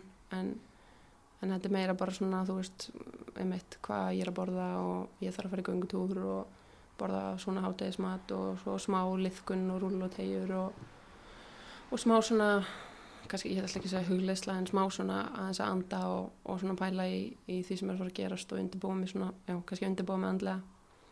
Og hérna og svo svona því ég að taka mig til þú veist, tónlist sem ég hlusta á og alls konar. Það þarf alltaf að vera svolítið, svolítið eins. En Já. er þetta eitthvað svona Þú veist alltaf að vera síðust út úr klefunum eða fyr- fyrst inn eða Nei, alveg saman svoleiðis er, er eitthvað af því í liðinu sem þú tekur eftir? Nei, ekki neitt svo, ég held ekki neitt sko Nei uh, Fylgist með einhverjum öðrum íþróttum? uh, Já, ég fylgist úst, úst, eins og með körfu og handbólta kannski ekki sísoninu en maður svona dettur inn í úslutakefnum uh, Það hefur líka verið góðar í ár sko Já, ég reyndar eiga það, ég fór held ég, uh, ég og kærstu minn, við búum bara hann að hliðan á valsamilinu og við röltum á held ég alveg tvo eða þrjá handbóltaleiki í vetur. Já, aðeins að sína, sína stuðning. Uh, en annars er við fylgjum með formúlunni, já, hvað ertu þar? ég er Vestappen, Yes. Hann er minn maður, Fyrst vil að ég held að sé svona helst, helst þetta drend Já, já. Það er þannig að náttúrulega tók góðan sigur hérna Já. í Barcelona. Mm -hmm. Það var góð keppni líka. Já, já, eflaust Nei, það er bara, það hefur ekki verið neitt svona dominant bara það er bara, hann er bara bestur það er bara, Já, þetta er sko, þú veist, ég horfði, mér finnst þetta alltaf grúdlegilegt sko, en kærastu minn fylgist, fylgist mikið með þessu og ég byrjaði svona að fylgjast með, með þessu með honum í hvað, 21 og við horfðum svo bara, ég, ég svona, þú veist, eins og núna um helginni, ég horfði ekki á allir keppninu, ég var svona með annað auga, annað auga á þessu en, en ég held að við séum búin að fylgjast með þessu flessu, þetta er mjög heilug stund til honum sko, já, það er bara, þú veist, hvað erum við að fara að gera klukkan þrjú eða tvö á lögudaginn já, neip, það er formúla ég hef ekki tími neitt svo leiðis bara þetta þarf alltaf, þú hakkar honum ekkert með þetta. Nei, er hann þá kólufæðing líka og allt? Já, já, tímatökur og sprett og allt þetta. Þannig að hérna á minnst þetta er gaman sko og hérna og gott, gott ár til að byrja að vera max konar 21 já, já, algjörlega. Og er alltaf styrlu þannig að loka Já. keppnin, þetta var, ég bara veist, ég vissi ekki eins og ég hafði áhuga á þessu en ég var held ég bara svona nánast öskrandi þannig að í restina Án, já, já, svo hefur þetta verið svona, svona, svona eh, leiðilegra eh, sístu tvö ár, það Já. svona að þú veist, augljóst á Já, mið, þetta er sumari sko. það er náttúrulega augljóst núna bara nú þegar Mhm. og Max er búin að vinna keppna sko, að vinna þetta allt sko. Já, emmett já, já, ef svo drepum ekki stefn á Já. hérna, Ég er náttúrulega fylgdist ekkert með þessu síðan sko ég átti Formule 1 2001 leikinu Playstation 2 ekkert mann ég þekkti allir kallana þar. Og ég veist um að Marco Barrichello síðan þá keppa þarna. Nei, hann er vist ekki lengur. En uh, veist það, svo að þið getur drefn mig á leiðindum núna. Í Mm. hvaða fótboltaskóm spilar þú? uh, Ég spila alltaf, eða búin að gera síðustu ár í Nike Tempo Já, ertu uh, búst, bara í tempo eða ertu Mhm. búin að vera í búst, vapor eða bara Tempo, ég er búin að halda miklu treyð við Tempo hana Mm. alveg örgulega síðustu 5, 5, 6, 7 aldrei verið svona svona langað að pröfa eitthvað nýtt pröfa þú veist Puma eða Adidas eða Nei, sko, málum með mig að ég er með, ekki bara ég er með breiðan fót, það er líka með háarist. Ég passa ekki í þessa, þessa flottu skó. Veist, ég var alveg til að vera í þessu, þú veist, það kom úr flotti litir og allt geggjað spennandi en það bara, ég kemst ekki onni þetta, sko. Þannig að Ja. tempóðnir hafa aldrei svikið mig og eins og staðan er núna þá er ég strangheðli í svörtum, alveg svörtum sem er nú kannski ekki að fallegasta. En það er það sem ég hef að vinna með. ykkur vilja minna það sé stórt uh, nóg að vera í svörtum Jöps, ég hef búin að heyra það oft en þeir bjóðu ekki upp á neitt skemmtilegra þessa dagana bleika, ég er, get ekki verið í bleika takk sko. Ef ég, fengi, ef ég fengi að velja var ég alltaf bara í hvítu. Mm. en það er ekki til. Já, Já. Ég, finnst fólk, takka sko spjall svo leðalegt sko. Já, ég, ég skilði vel sko. Já. ég pæli ekki neitt í þessu og Nei, en það eru sumir sem er algjöru nördar og finnst þetta ógæslega skemmtilegt. Já. og það verður bara, fólk verður að hafa sína áhuga mál já, já, algjörlega. En hérna, uh, hvernig varst í skóla? Eitthvað góð í eitthvað sérstaklega, sérstaklega lélega í einhverju? ég var held ég bara þokkalega dugleg í skóla sko. Ég, eins og í grunnskóla ég var bara, fekk alltaf fínar einhvernir og var ekkert eitthvað svona eitthvað sem ég var lélegi í þannig. Mér gekk bara svona ágætlega vel í öllu. En ég var svona kannski að mentaskóla árum fór ég að svona slöks aðeins. Meðist ekki leiðilegt að sofa við fyrst tvo. Já, og ég held ég að ég fallið á mætingu öll ári mín sem var samt út af landslisferðum og svona já uh, ég var alveg einstaklega léli í þýsku. Ég er stúdent sem er kraftaverk bara út af fyrir sig. Já, mjög stolt af því. Veit ekkert hvernig ég gerði það. En, en svona já þýskan var, hún var erfið fyrir mig. En enskan var alltaf mjög þægileg. Mér gekk alltaf mjög vel í ensku. Þú talar, talar um það mikið skapin á fútboltavellinum Var það varst aldrei til henni vandraða Varstu skólastjónans eða eitthvað? nei, ég var nefnilega aldrei og það var bara ekki bóði heima á mér. Ég ætlaði ekki að láta ég ætlaði ekki heim að segja mömmu að fara til skólistunum sko, og gæst alveg glemt því. Þannig að ég hagaði mér alltaf mjög vel í skólinum það getur vel verið að maður hefði einhver fíbla, fíblagang og fannst ekkert leiðast að tala. En ég var alltaf, ég var hérna aldrei með einhver svona eitthvað að prakkarast eða með einhver læti. Nei, nei.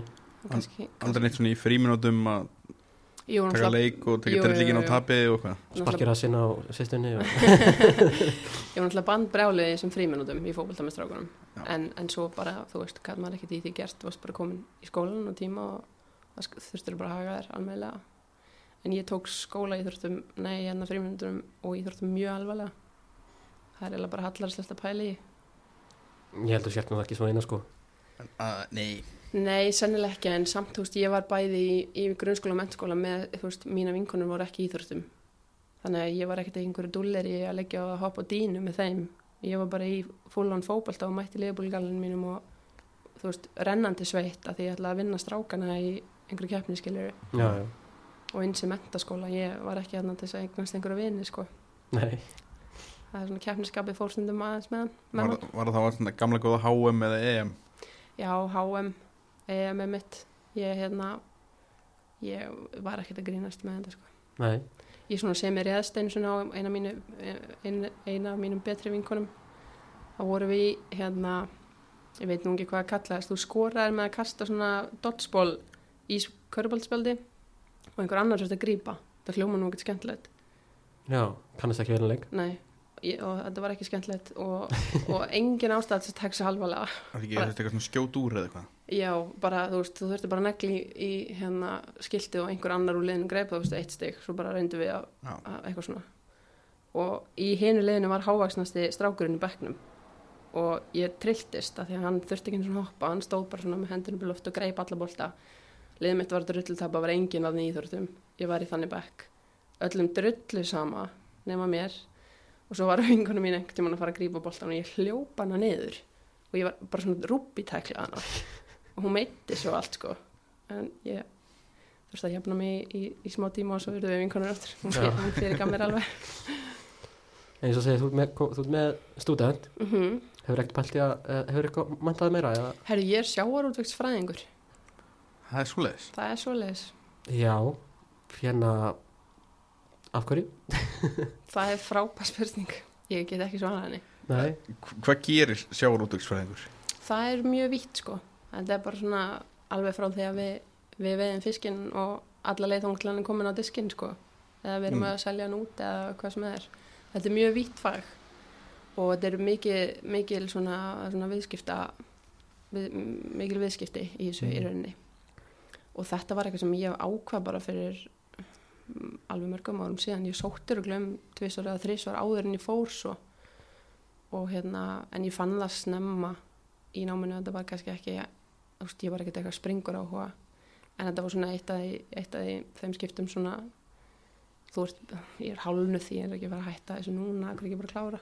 Já, já. En ég hef ekki, ég hef ekki hugmynd hvað ég ætla að gera með þetta sko.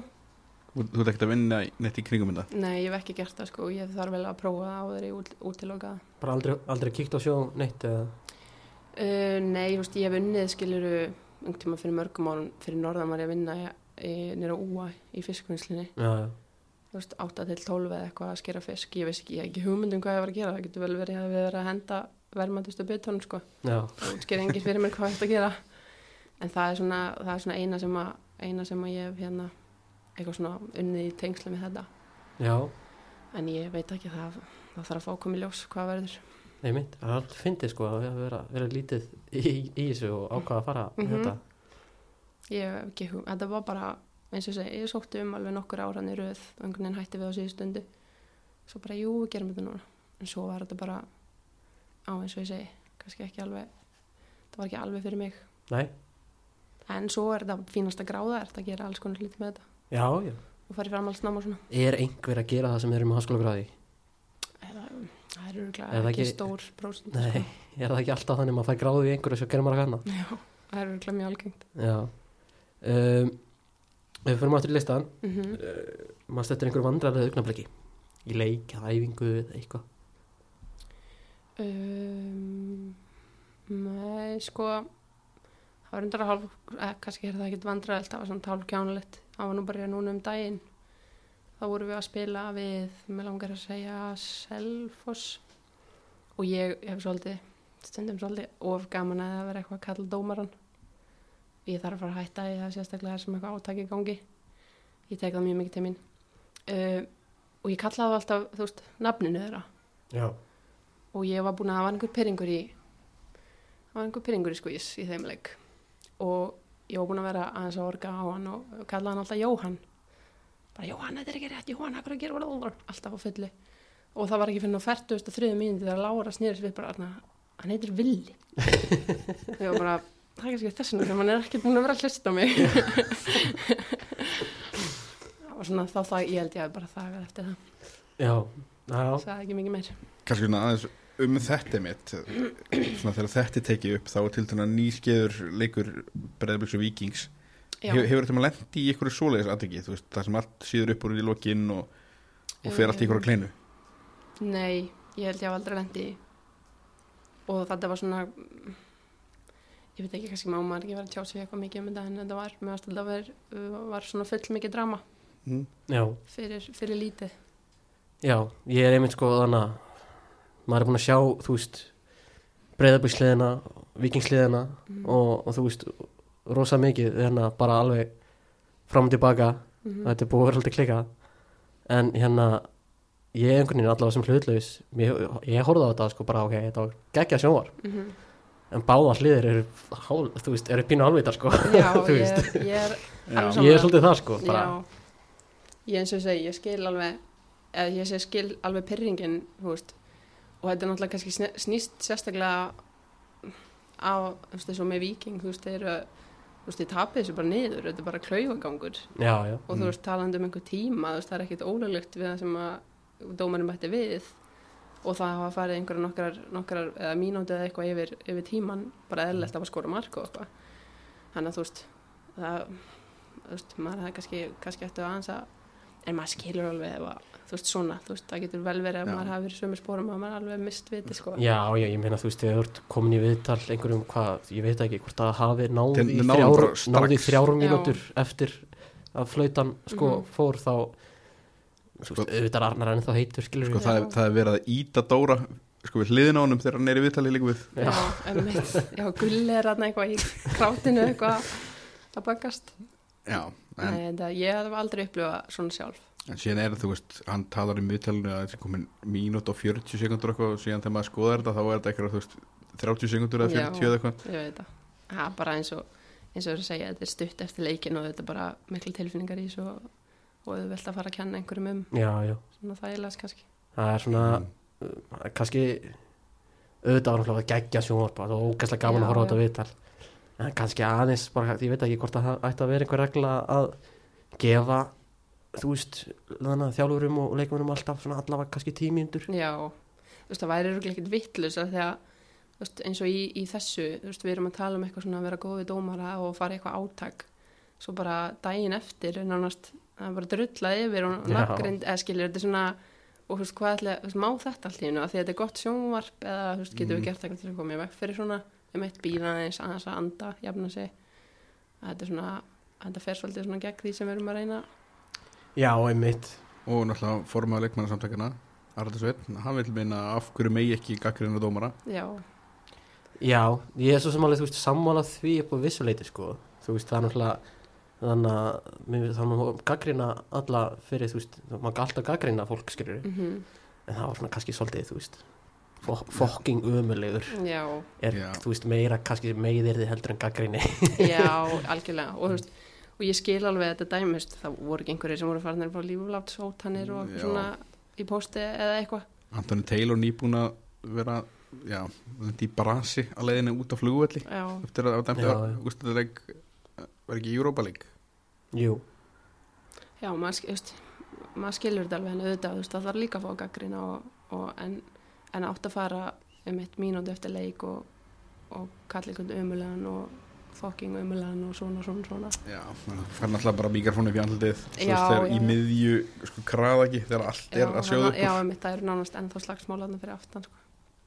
en það finnst þér vera að minna um þetta í, í konumboltanum Já, algjörlega. Það er hérna ég veit ekki það hverju það er. Testosterone já, en þetta er ekki samt þetta verður samt gerast sko fylg, fylgja svolítið breyðabliksliðinu þeir lendur í þessu fyrra í til dæmis með örbuleiknum og eitthvað að þú veist svona séð allt upp úr lokin og Já, þetta er svona Þetta er er eitthvað Mm, þetta er eitthvað í kópásöldin, það er eitthvað í andurslundin það er eitthvað annað í vatninu. Nei, maður veit það ekki. Nei, nei, allavega þannig að stelpuna virðast vera aðeins, aðeins Já, Ég er kannski með eina, eina pælingu eða, þú veist, þegar að vera gagginan dómaran þú veist, er, er það það mikill munur og segir að dóman sé umlur eða þú nafnir hérna Vil ekki allir hvern, hvern þú að tala um hvað sem er. Jú. Jú, ja, þú veist, æ, nei, það er, ég, það er engin munur. Ég held, að Nei. það, ég, held að það er ekki, það- ég held að það sé ekki það Nei, sem því að hann kemur sko í liggur, bara sko. dómaran umlur, ég ætla ekki að nafnir hann eða síðan hættur hann við það, jú, ég nafnir hann bara. Já, jú, ég meina, þú kannski, veist. kannski svolítið farin að ráðast á mannin hann eitthvað ég Já. veit Æ, þetta er nú, þetta er fyrir kási að úr. já, já, þau, þau gerð það öruglega vel Já. Þetta, þetta verður allt saman komin, komið ykkur skýsla fram og við erum svona viku eftir Já, ég, þú veist, það er náttúrulega ekki alveg vitlis að vera að fara svona djúpt út í það þegar það, það kemur út eftir viku sko. já, einmitt smá útöður Já, já, en hérna, þá skulum við bara fara aftur á, á rétt spór. En að, Eyðeyjan Hvaða þrjá leikmenn myndur þú taka með þér á Eyðeyju og af hverju? um, ég myndi taka Þóruðisir Hrönn svona upp á skemmtarnagildi Já, það er hún er svona herbyggisfélagi minni í, í ferðum og, og það er mikið leið og grínast og, og það er ókislega gaman að henni. Uh, ég myndi taka Fanny með að hún er ótrúlega klár og ég myndi treysta henni til þess að koma okkur heim. Og um, þriðji aðalinn treysta yngsta í að koma þér heim? Já, þú veist, hún er svona ung skinnsum kona mm. hún myndi, hún myndi ekki sko gera flugum einn og ekki gera neitt, hún myndi ekki ljúa neinum. Og hún myndi vera með þetta allt saman í teskið, reiknaði með. En það er alveg plan á bakvið hverjir fá að koma á einu já, ef við sko, já það þarf að hafa einhvern það þarf að hafa einhvern til þess að fá okkur til að hlæja á erfiðum tímum. Og einhvern til þess að koma okkur af. Mm. um, þriðji aðlinn einhvern til þess að vera í matinn eða eitthvað já, Bygg, byggja skjól má það vera einhver sem er ég er ekkert endilega að spila með það, ég hef spilað Já. einhvern tíma með það Já. bara, að, bara skiptir engum máli Já, þá myndi ég taka hérna Ágústu Kristinsdóttir sem spila með mér er mín besta vinkon í dag. Hún getur allt. Hún myndi byggja bát og örgulega hús, hún myndi örgulega veiða matinn og eldan sjálf og, og halda okkur svona á lífi með hann að fann uh, finnur út úr þessu og við Þórdís höfum gaman að með hann. Já, Já. þeir eru bara svona til hliðar Náttúrulega strategian hjá Jasmín Örli var til dæmis að hún tók bara með sér einhverja þrjá til að hafa gaman að því hún vissi að allir gáðu myndi hvað sem er að finna því Já, meina það. Já, það er þetta góð pæling. Ég held að ef að, ef að við Þórdís og Fanny erum týndar í lengri tíma og hlítið einhver að koma að leita á okkur. Já, Já, já, Já, og náttúrulega ákvæmst líka. Skilum hann eftir. Öllum drullu sama. já, hvað? Ábært að hún kom með. Ég, te ég tek engar ákvarðanir án hennar. Ertu með einhverja styrla staðirinn um sjálf þig? Mm, svona kannski, sem kannski fólk veit ekki. Um, Nei, ég, ég veit það ekki alveg. Það var náttúrulega að þú ert með e, gráðu í hérna sjávarútvegs Sjáurútsfræði, fræði. Sjáurútsfræðingur. það er hókinn Það, staðrind það er ákveðið styrla staðirinn sko Það er styrla staðrind um örnusif Já. Ég get alveg gefið það. En hérna Nei það og ég er enda með, með mjög mikla fóbíu fyrir uh, Iljum og, og hæla húð. Ok, þess að bara alls ekki með fútfetish En nei, nei, nei, nei, nei, nei. Ég sko, ég fæ gæs og eða svona ógeðsroll ef einhver snertir á mér illjanar eða hælana eða einhver, ég hei, eftir svona sérstaklega svona grófa húð, ég ég kúast, ég er maður ánum fyrir því, sko. Já, Þannig þú ert ekki mikið að fá ykkur tásunutt og okkur sliðis Nei. Nei? Alls ekki. Bara hérna ef þið er að reyna að komast undir skinnið á örna sig í leik, farið bara úr skónum. Það er Það myndi svínvirka. Það myndi missa viti. uh, Það er þetta mjög skrítið að sjá það í leik. Það var ég ógeðsla fyndið. Það væri mjög spes. Já, já, hérna við bara byrjumst afsökunar Arna ef það gerist einhvern Já. tíma út af þessu.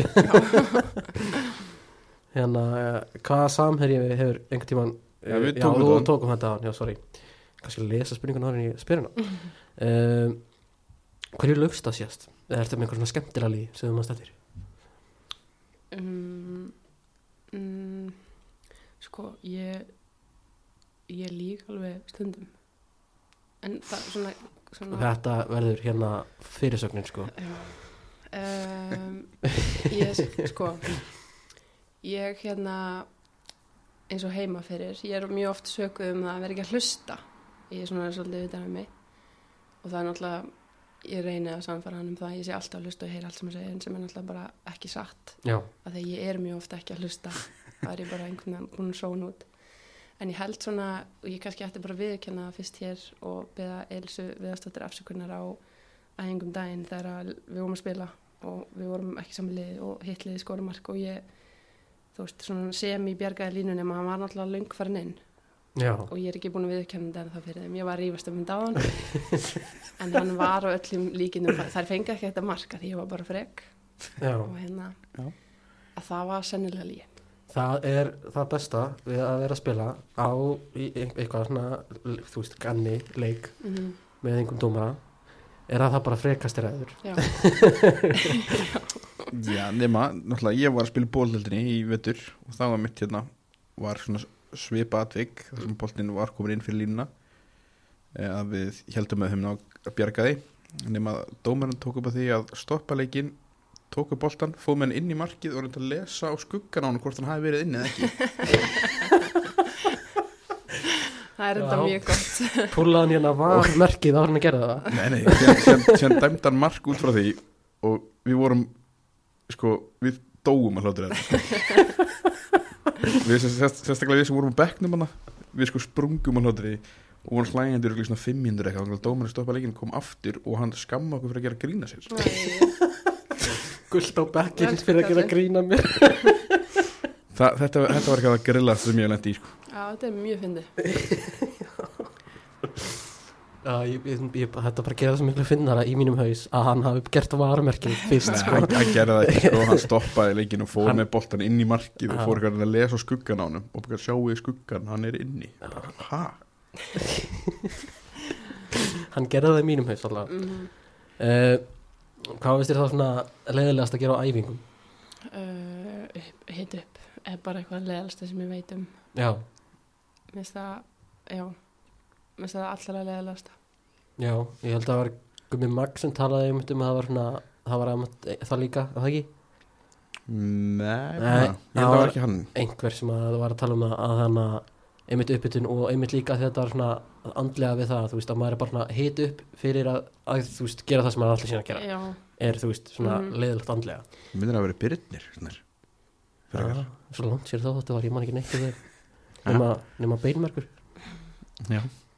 Nei, mér, það, mér hefur alltaf finnst ógislega leðalt að hitt upp og, og það hefur ekkert breyst Já, ég, vil alveg, eh, ég veit alveg að maður þarf að gera það en mér finnst það alltaf að bleðalegt samt að því að ég myndi þess að þú segir, þú ert bara að býða eftir að komast í eitthvað sem er skemmtilegt sko. mm. og bara svona uppbytunir í dag þetta er, Hvernig finnst þér eins og vídeofundir og hvað slags? mér finnst það mér finnst það alveg gaman sko ég bæði, þú veist, ég horfi mikið á leiki eins og hjá okkur uh, ég horfi alltaf á leikin okkar aftur og svona pæli í, þú veist, alls konar stöðum og, og ef við erum að fara að spila á móti þú veist, eða bara svona horfi á leiki anstæðingsins og hérna en mér finnst mjög gaman að pæla í þú veist, hvað geti henda okkur á móti þessu lið eða, eða Mhm. hvernig við getum gert þetta hvað væri best fyrir okkur að gera þannig að mér finnst alveg gaman að, að svona aðeins að, fara yfir og, og ræða hlutina á vídeofundum rættin alveg skemmtilega líka. já, bara fín Nefnum kannski uppbytunarsættin Já, heimitt. þau eru samt skárri þar heldur en út af velli sko Já, það er bara þess að skokkverðir og hafa hnéleftur og hælir rass og eitthvað svona sem er alveg búið heimitt. Uh, síðasta spurningin í hinni hliðinni. mm. Ef þú fengir eina spurningu til að spyrja hvert sem er, um hvað sem er, hvað myndir þú velja og hvað væri spurningin? wow þess að djúb um, Er það, er þá kannski svona áhuga svið sem ert á? Svona fótbollalegt eða eitthvað annað? nei, sko ég held ég myndi frekar þú veist, má vera hver sem er. Bara, þú veist, lífsæðarleiðin Já. sko, já, ef það er svoleiðis. Ég myndi örgulega, ég hérna ég misti pappa minn þegar ég var tíu ára. Ég væri alveg til í ég væri alveg til í að henda einhver spurning á hann. Já, þó það væri ekki nema bara hvernig hefur það eitthvað já, það þarf ekki að vera merkilega heimitt. ég held ég færi alltaf þanga Já, það er, þannig að það er velskiljanlegt. mm. Uh, við erum búin með hinni hliðina. mm. Uh, þá bara, ef við kíkjum kannski aðeins yfir ferlin. já, bara um að gera Náttúrulega, uh, eins og við maður talað um, þá byrjar Þór. Já. Sem er. þannig að uh, og fer síðan í, í Þór Káa mm þegar þannig að fer í mestarflokkin hvað ferðu fe- beint frá Þór Káa yfir í Gautaborg? Já, ég semst uh, er í Þórkáa út tímabili 2014 já, og hérna fer svo í februar 2015 til Svíþjóðar. já, kemur aftur Káa, ekki? Já, var, ég, ég, tek, ég tek eitt tímabil í Svíþjóð, uh, fer svo og skrif undir hjá Val til tveggjára, uh, kikið svo aðeins til Ítalju nokkru mánuði, áður en ég fer svo aftur heim til Þórkáa, þar sem ég var frá 2018, 2018 til 2021 og svo kom ég aftur söður 2022 í Val. þannig að þú hefur, þú hefur ég glemt Skotlandi. Já, Ég var á láni hjá Glasgow City veturinn 2021 já frá Þórká. þannig að þú hefur rauninni á Íslandi þá var bara Þór Káa valur Já. og svo smá hennar smá út og dúr á til, Já, úti já. Tók hann heilt tímabil í Svíþóð eða skrifaði sko upprunalega undir svona 1 plus 1 samning og var í raun búinn að segja já við það að vera áfram en ég var búinn að ströggla aðeins við það bara hvað ég var að fá februar til oktober held ég að tímabilinu lauk. Og ég var bara búinn að vera ein allan tíma í rauninni, þú veist, ég var ekki að leggja mig mikið fram við að kynna stelpunum eða var ekkert svona hugsað eitthvað sérstaklega vel um hann. Ásiki allt í góði, eins og þessu þá bara verður fólk verður að fá að, að þóla þetta. Já, fyrir um, hvað var ég að segja, já og var semst, já, bara búin að ströggla mikið við að vera ein og hérna fer heim í frí, eða semst fer á fund með liðinu og þeir bjóða mér nýjan samning sem að ég sam, svona, samþykti eiginlega var skrifaði ekki undir neitt og hérna æbiti þeirra ástæður Þennan pási afsakið þetta, við þurfum að taka örleitla pásu, þar sem að að eins og ég mittst á þá er ég og Arna bæði að, að, að jafna okkur á, á veikindum sem að verist vera að fara út um allt land. En uh, þú varst að tala um að það því að þetta er erfiðleikum með að hérna, varst mikið ein. Já, og varst, varst, varst eiginlega, eiginlega búin að samþekja að Já, veist, ég, við áttum hann gott samtal um að hérna, veist, bara, veist, tímabilið hilsinni var, þetta gekk alveg ágætlega með fyrsta tímabil úti og ég fekk að spila mikið og en vorum bæði bara spennt fyrir því að taka annað tímabil svona betur undirbúin og hérna sem ég var mjög sammála. Nema svo fekk ég að fara heim í smá frí og bara eftir að ég fór heim þá bara nei, ég get ekki að fara út aftur. Þá bara svona var komin inn einhvern veginn í það endaraman og, og svona mm, gerði þetta svolítið illa með félagi sko. Og hérna þau náttúrulega voru bara að býða eftir að fá svar frá mér og, og ég svona var alltaf að reyna að draga aðeins lengra og lengra og, og mér fannst það svona að vera kannski bara ágætis lausn ef að þeir myndi gefast upp. Þá væri ég ekki að hætta Já. gefast upp skilju þá bara þurfti þeir að fara að finna eitthvað annað eða, eða þeir hefðu ekki áhuga á mér. Þú veist, á einhvern veginn var svona fyrir sálunum var það betra heldur en einhver uppgjöf hjá mér. Nema svo hérna já, bara tilgjendur mér það að þeir gæt, gætu raunin ekki beðið lengur af því bara ef ég ætlaði að segja nei þú veist, það væri bara, við þurftum að fara að leita á öðrum og svona og, og hérna voru bara ákveðnir því að þú veist, við myndum bara, hér myndum bara leiðir skilja. Og mér fannst það, eins og segi, mér fannst það svona þá fannst mér það bara svolítið flott að þetta var ekki mér að kjæra og hérna skrifa þá undir hjá, hjá val af því að þá var líka eitthvað svona smárhæðsla við það að hérna að fara heim, þú veist að taka eitt tímbil út og fara beint heim. Já, meðan stað svona eins og ég væri pínu búin að feila þannig að þetta var svona millivegur þú veist, ég fór sjöður í nýttlið, þannig ég er ekki ég er ekki að gefast upp á neinu, ég er ennþá að spila þú veist, ekki heima.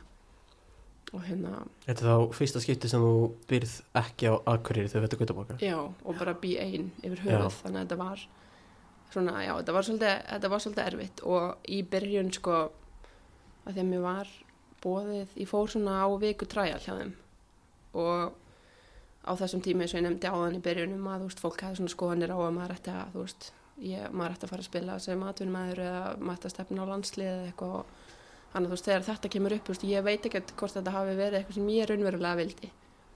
Að svona tilfinningin sem kom upp í mér var, var miklu meir einhver ótti eða stress heldur en eitthvað svona geðveikt, þetta er bara draumur minn eða eitthvað. Og hérna, og það gekk vel á þessu træjali og, og hérna, og ég mun aldrei gleyma þegar að sérst þeir, ég held að þetta hafi verið næst síðasta dagi minn. Uh, við vorum sérst, það var svona við spilum leik daginn áður sem bara gekk rosalega vel, ég skora eitt mark og stóð mig bara mjög vel. Og svo vorum við í svona recovery æfingu daginn eftir leik og hann baði mig um að koma svona bara í ræktinni eitthvað svona inn í einhvern sal hvort við getum spjalla og svo segir hann eitthvað svona eða spyr hvernig þú veist, mér hafi fundist vikan og ég bara, bara þú veist, mjög gaman og hann eitthvað á mjög gott að því að við, við viljum eitthvað að þú hérna komið til okkar. Og mín fyrstu vöfru voru að fara að skæla. Og bara af ótta. Eða ég bara eitthvað svona, þú hvað er ég búin að koma mér út í? Eða því, ég veit ekki hvað mér langar að vera hérna. En þú veist, ég var bara að segja honum það sem hann vildi heyra. Og hann eitthvað svona, hvað, þú veist, ég vonandi að séu gleði tár, ég, já, já, já, já, hafði þú engar ágjur á mér, bara geggja gaman. Og hérna og ákvað þá bara að slá til. Og ég held ég sé ekki ekki því ég segja að ég, ég skældi öruglega svona á hverja einasta degi, svona fyrstu þrjá mánuðina, sko. Ég var með svo massífa heimþrá. Já, og einhvern veginn, þú veist kom, þú veist, ég var bara sótt upp á flugvöld skuttlaði einhverja íbúð og bara sjáumst að æfingu og bara eitthvað hvernig kemst ég á æfingu, það er hjólaðna niðri. Og bara eitthvað, ok. Og svo bara he, heyrði ég ekkert í þessu fólki meir. Já, þú veist, það var ekkert svona eins og þú veist ég hef alltaf upplifað þegar við fóum útlendinga til okkar og sérstaklega við norðan, þetta verður bara svona partur af fjölskyldunum hans, veist, þú gerir ekkert nema að hugsa, hm, hvað ætli hún og hún sé að gera? Ég ætla að vera sund, best að heyri þeim. Ég ætla að gera þetta, best að heyri þeim. Það var ekkert svoleiðis í gangi. Ég var bara eitthvað eina að dúlla mér eiginlega allan enn tíma, sko. Ekkert, þú veist, eins og maður heyrir hérna í stóru liðanum, þú veist, í svona player, player liaison, liaison officer. nei, Nei, og ég, þú veist, eins og þarna, þú veist, ég bara ég vissi ekki, þú veist, eins og með, þú veist ég þurfti að stopna bankareikning og þurfti að fá mér sannleika kennitölu og það var enginn sem sagði mér það. Svo var ég allt í húnum bara, veist man ekki hvort ég hafi ekki fengið borgað hvort það hafi verið fyrsta mánuðin eða fyrstu tvo mánuðin eða eitthvað. Og hann spyr mig eitthvað svona, já, hérna reikningsnúmer. Ég gánum bara, ótrúlega krútlega gánum íslenska reikningsnúmer um eitt skilur Já, bara nei, nei, nei, nei, bara sænska reikningsnúmer. Bara, já, það er ekki að þú verður að fá þess að les bara ok, þannig ég fekk að vera hérna maður akureyringur sem býr í, í hérna Gautaborg sem að hjálpaði mér og þú veist ég fór hérna, veist, fyrir mér var þetta bara ókverju maður sem ég var bara að skreppa með henni í bæti sem fór mér, þú veist, sænska kennitölu og ég vissi ekki að það tók einhverja fjóra vikur þannig að ég gæti ekki búið til reikning fyrir en eftir þessar fjóra vikur en ég fekk ekki borga fyrst þrjá, eftir þetta var allt bara eitthvað svona pínu erfitt að standa í eitt sko sko, svíjanir elska bjúrokrasi, sko. mm. Það er bara, það er allt eftir reglum.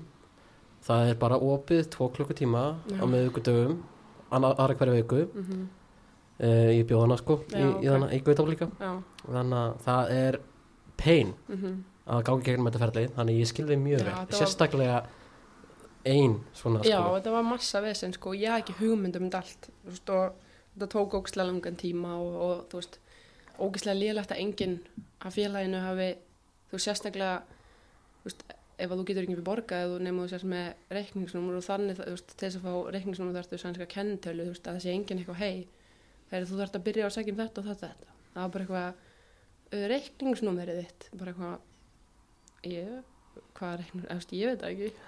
Ég man þegar ég prófaði fyrst mm, að hana að fá mér reik, hana, reik, þú veist, reikning hjá banka í Svíþjóð. Mm, þá fór ég fyrst bara í banka mm.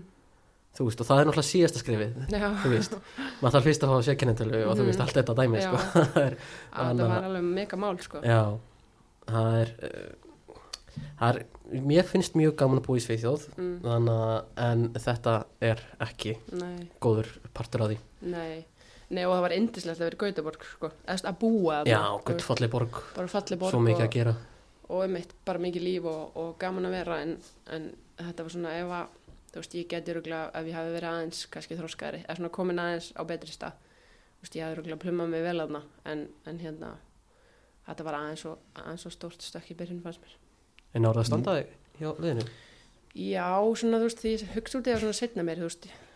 Um, mér fannst ég aldrei vera Arnasif svona eins og ég, ég þekki hana svona besta Arnasif skiluru þetta var frekar svona hún var svolítið svona lítil í sér en samt, þú veist, ég hef séð þessa leiki ég hef séð þessa leiki, þú veist, bara þú veist, þetta er til á YouTube og eitthvað einhverjum svona upptökur og þetta er ekkit þetta er ekki hræðilegt.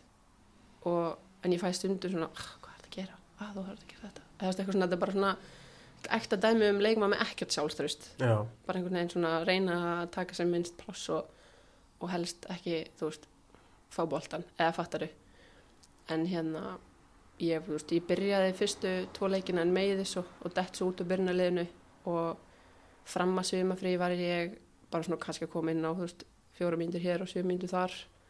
En fekk hérna, við vorum með svona U19 ára leið þar sem ég fekk uh, alltaf 90 mínútur sem hjálpaði mér alveg mikið þegar mér varst auðveldra einhvern veginn veist, ég var ekki minna að minna mátt að kenda þar. Þar var ég bara algjörlega ég sjálf og hann náttúrulega fylgdist með öllum, öllum leikjum og, og var mjög ánægð með mig þar og gaman að þú veist, einmitt bara að fá svona, svona karakter minn skyndi mei, svona meira í gegn einhvern veginn. Og svo, síðan förum við í hérna svimafrí í að með minn er í júni og þegar við komum tilbaka þá fekk ég semst uh, að spila, að var í byrnuleginu í fyrsta leik og var svo bara í byrnuleginu restan af tímilinu hann að þú veist, þetta hefur ekki verið þar ég haf aldrei verið að byrja þessa leiki ef þetta hefði verið eitthvað ræðilegt nei, nei, svo náttúrulega buður að vera áfram. Já, og það að vera áfram.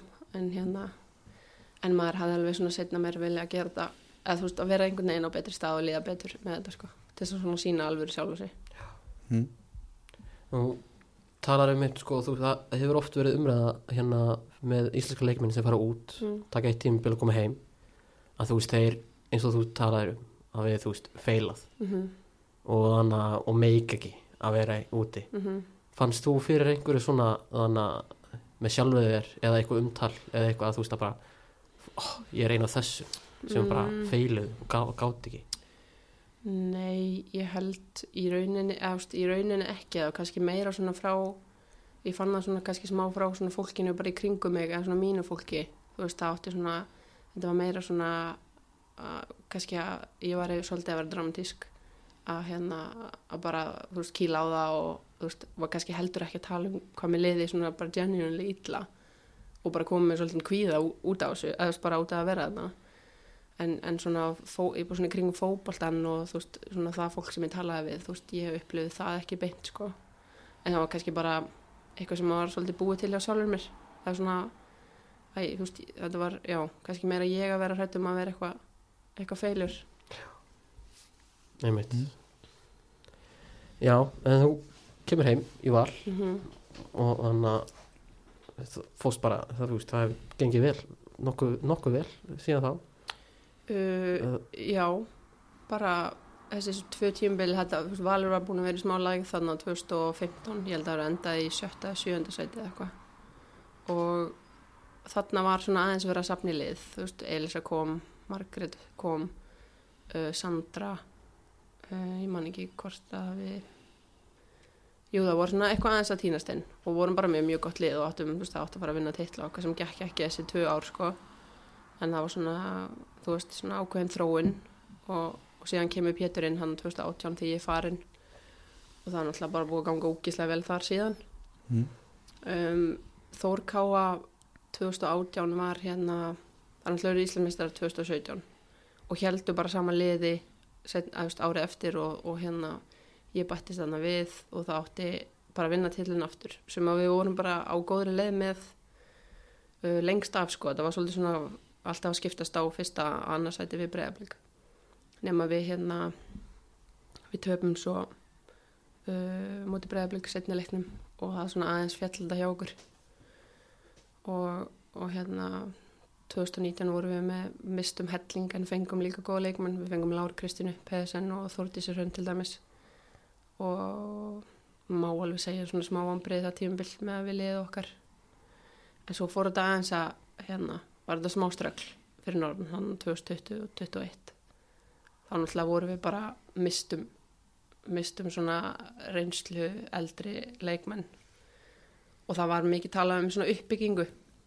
Og þetta voru bara svona ungar stelpur úr félaginu sem að, sem að fengu, fengu starra hlutverk og, og alvöru sjans og þú veist, við, þú veist, ef þú ætlar að fara í svoleiðis sem er gott að blessa þá er líka bara mikill efni við fyrir norðan. En það þarftu kannski að vera með svona ákveðna beinagrind. Og ef þú þarft að finna erlenda leikmyndi þess þá var það ekki, þá fundi við þá ekki. Þannig að þetta var hérna já, voru náttúrulega bara í fallbára til lengst af 2020 og vorum í raunin bara hefnar og það COVID stoppaði þetta sko, við vorum ekki safe. Nei, ég held að hvað voru ekki alveg tværum fyrir eftir eitthvað þegar COVID klár, tímabilinu var slaufað. Já, og ég held að við höfum verið bara einhverjum þreymur stegum og undan liðinni í næstnæsta sæti eða eitthvað. Þannig að Mm. við vorum svona já það var kannski smá hefni í því. Og það var svona sama við vorum svolítið mikið í fattbart 2021 líka. En ég man ekki hvort við höfum endað í sjötta eða eitthvað. Þannig að já, þetta var svona þetta voru erfið árin hérna síðustu árin mín fyrir norðan. En það hefur verið svolítið af svona færast einmitt, það verið svona loftbrú milli Vals og, og Káa Þórká, Þór Káa, já, Já. sorry. Ég, ég, það, ég sagði þetta actually alveg óvart annars sko.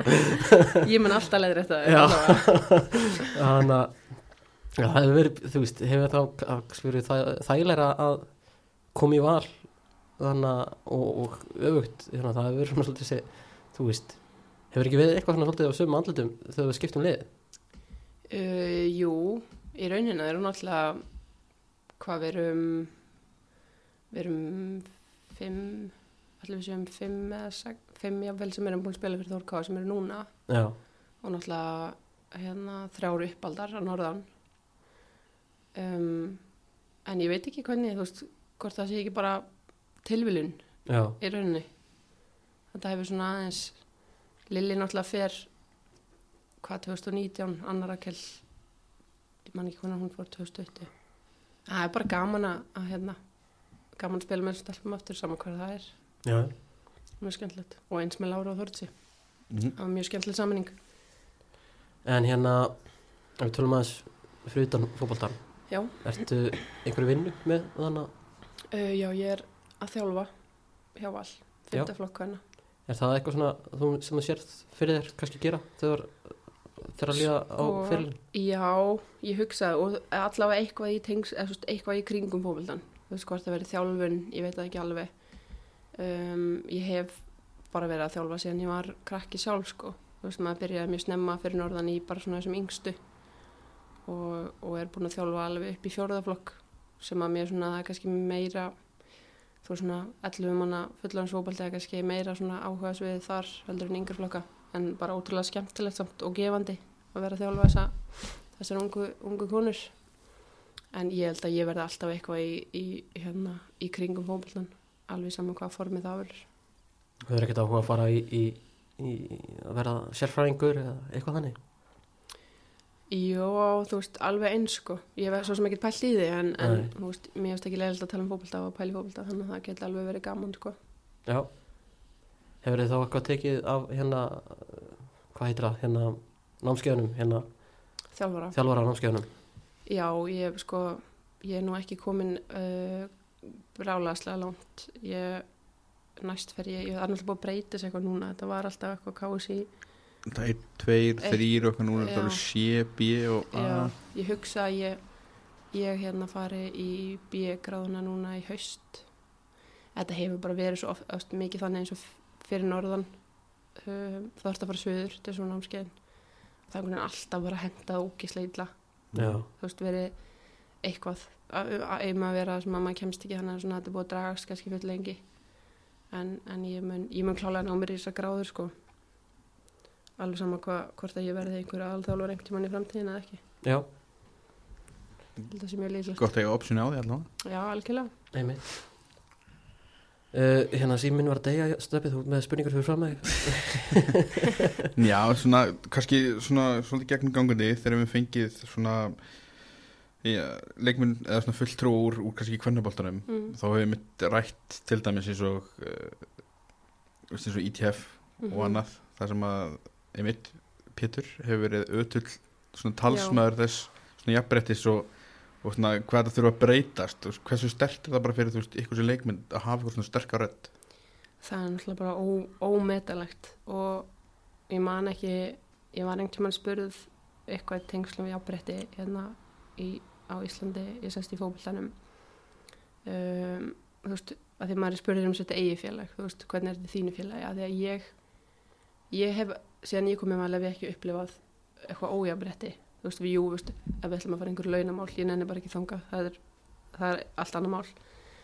En, en svona bara í umgjörð og öllu þessu og, og svona í kringum liðin og kringum leikin og eitthvað. Og ég bara, guð nei, þú veist ekki neitt. Bara alls ekki, bara þetta er allt svona, svona, svona. En þú veist, svo fatta að maður þú veist, það næri ekkert lengra en Pétur, eða skilur þú veist, ef það er eitthvað að því hann er búin að vera bara, eins og hans er búin að setja bara svona sem er bara svona varnahjúp í kringum liðið sitt. Mm. og það er bara ekkert sem kemst þannig bara ef það er eitthvað sem er ekki rétt er ósagjart eða er eitthvað ójafnrætti þá er hann mættur og hann bara með nefn í borðið. Þannig að það er ómetalegt að hafa hann líka verandi bara svona stórt nafn í íþróttinni skiljiði Mm að það er búið að vera já, eins og ég segi, bara ómetalegt að hafa hann hérna að berjast, berjast fyrir okkur. En er það þá ekki svolítið lélegt rauninni að þurfa að hafa Pétur Pétursson til þess að til þess að þetta sé svona. Just, jú, auðvitað er það það. En þú veist ég, nú er maður búin að vera í þessu rosalega lengi og, og ákveðnir veist, það getur vel verið að sé eitthvað hér og þar sem hefur kannski breyst til hans betra en þetta er samt. Með að við árafjöldan sem þetta er þá er þetta greiðlega lítil þróun í rauninni. Og, og ég veit ekki hvernig þetta er hjá öllum öðrum fjölugum en, en við erum svo heppin að, hafa hann og þetta var það besta ef hann þurfti ekki standi þetta er líka bara þú veist, hvað maður að segja? Bara eldri maður sem er að þjálfa fótbolta eða skiljur, þú veist, hann Mm. vill bara vera nýra á velli að stýra æfingum og gera þetta en hann er, þú veist, að þurfa að vera í einhverjum svona stanslisum stríðum og með einhverjar eldraðir hér og þar. Veist, þetta verður bara þreytandi og þetta dregur örugglega líka úr ánæginni við það að þjálfa. Já, en svo langar manni bara, þú veist langar, mann langar að fá fleiri með honum í lið, þú veist, það Mm. er alveg nöfn hérna að þjálfa til dæmis í deildinni, kvennadeildinni, þú veist. Og svona að- aðeins að fá fleiri með í þetta að því að, þú veist er hlustað meira á þá ég veit það ekki. Já, spurning. Einmitt við þannig að þú veist þannig að konunar sem við fengið til, fengið til okkar mm hafa eiginlega allar bara með upp til að hópa talað ógeðslega vel og við svona höfum náðu kannski að vonandi búa til einhver smá umræðu með því að reyna, reyna kannski að gefa þeim einhver smá rödd þannig að til dæmis áslegu mynda þannig að það var þannig að mikið talað um, um, um hennar þátt Mhm. uh, en það er einmitt þess að segja að spurning, þú veist, er hlustað á þetta þegar að því að mikið, þegar leikmennir er að segja þetta og þegar að þú veist kannski gömlu kallanir sem er að þjálfa er að segja þetta. einmitt, það er svona þú veist, það er alveg góð pælinga því að ég held að sé það er það verðist vera auðveldara ef þú veist, þetta eru bara einhverjum einmitt unga stelpur sem eru bara eitthvað svona að tjá sínar uppleganir, þú veist, það er kannski því miður hefur það minni svona ber það minni árangur heldur en þetta hefur menn eins og Pétur Péturs eða Kristján Guðmunds eða hverju sem það eru. Mhm. en svo finnst manni, þú veist, þú veist eins og með Pétur, jú, búin að vera ótrúlega duglegur í að hérna að bara stiðja okkur og, og tala fyrir hlutum sem er ekki verið að gera nægilega vel en veist, þetta er ennþá svona þú veist þú, þú breytir einhverju í þrjá daga og svo ertu komin í sama farið eða fatti, Mhm. þú veist, maður sér eitthvað svona já, nú á sko heldur betur hérna við breytum auglýsingunni, þið fenguð 50 sekundur í staðin fyrir veist, 20 eða eitthvað. Bara frábært, takk fyrir það. Svo bara eitthvað, herðu, það leikur, það vantar þetta og þetta og þetta, bara hvað meinið þið? já, já, eða fattið þið? Mhm.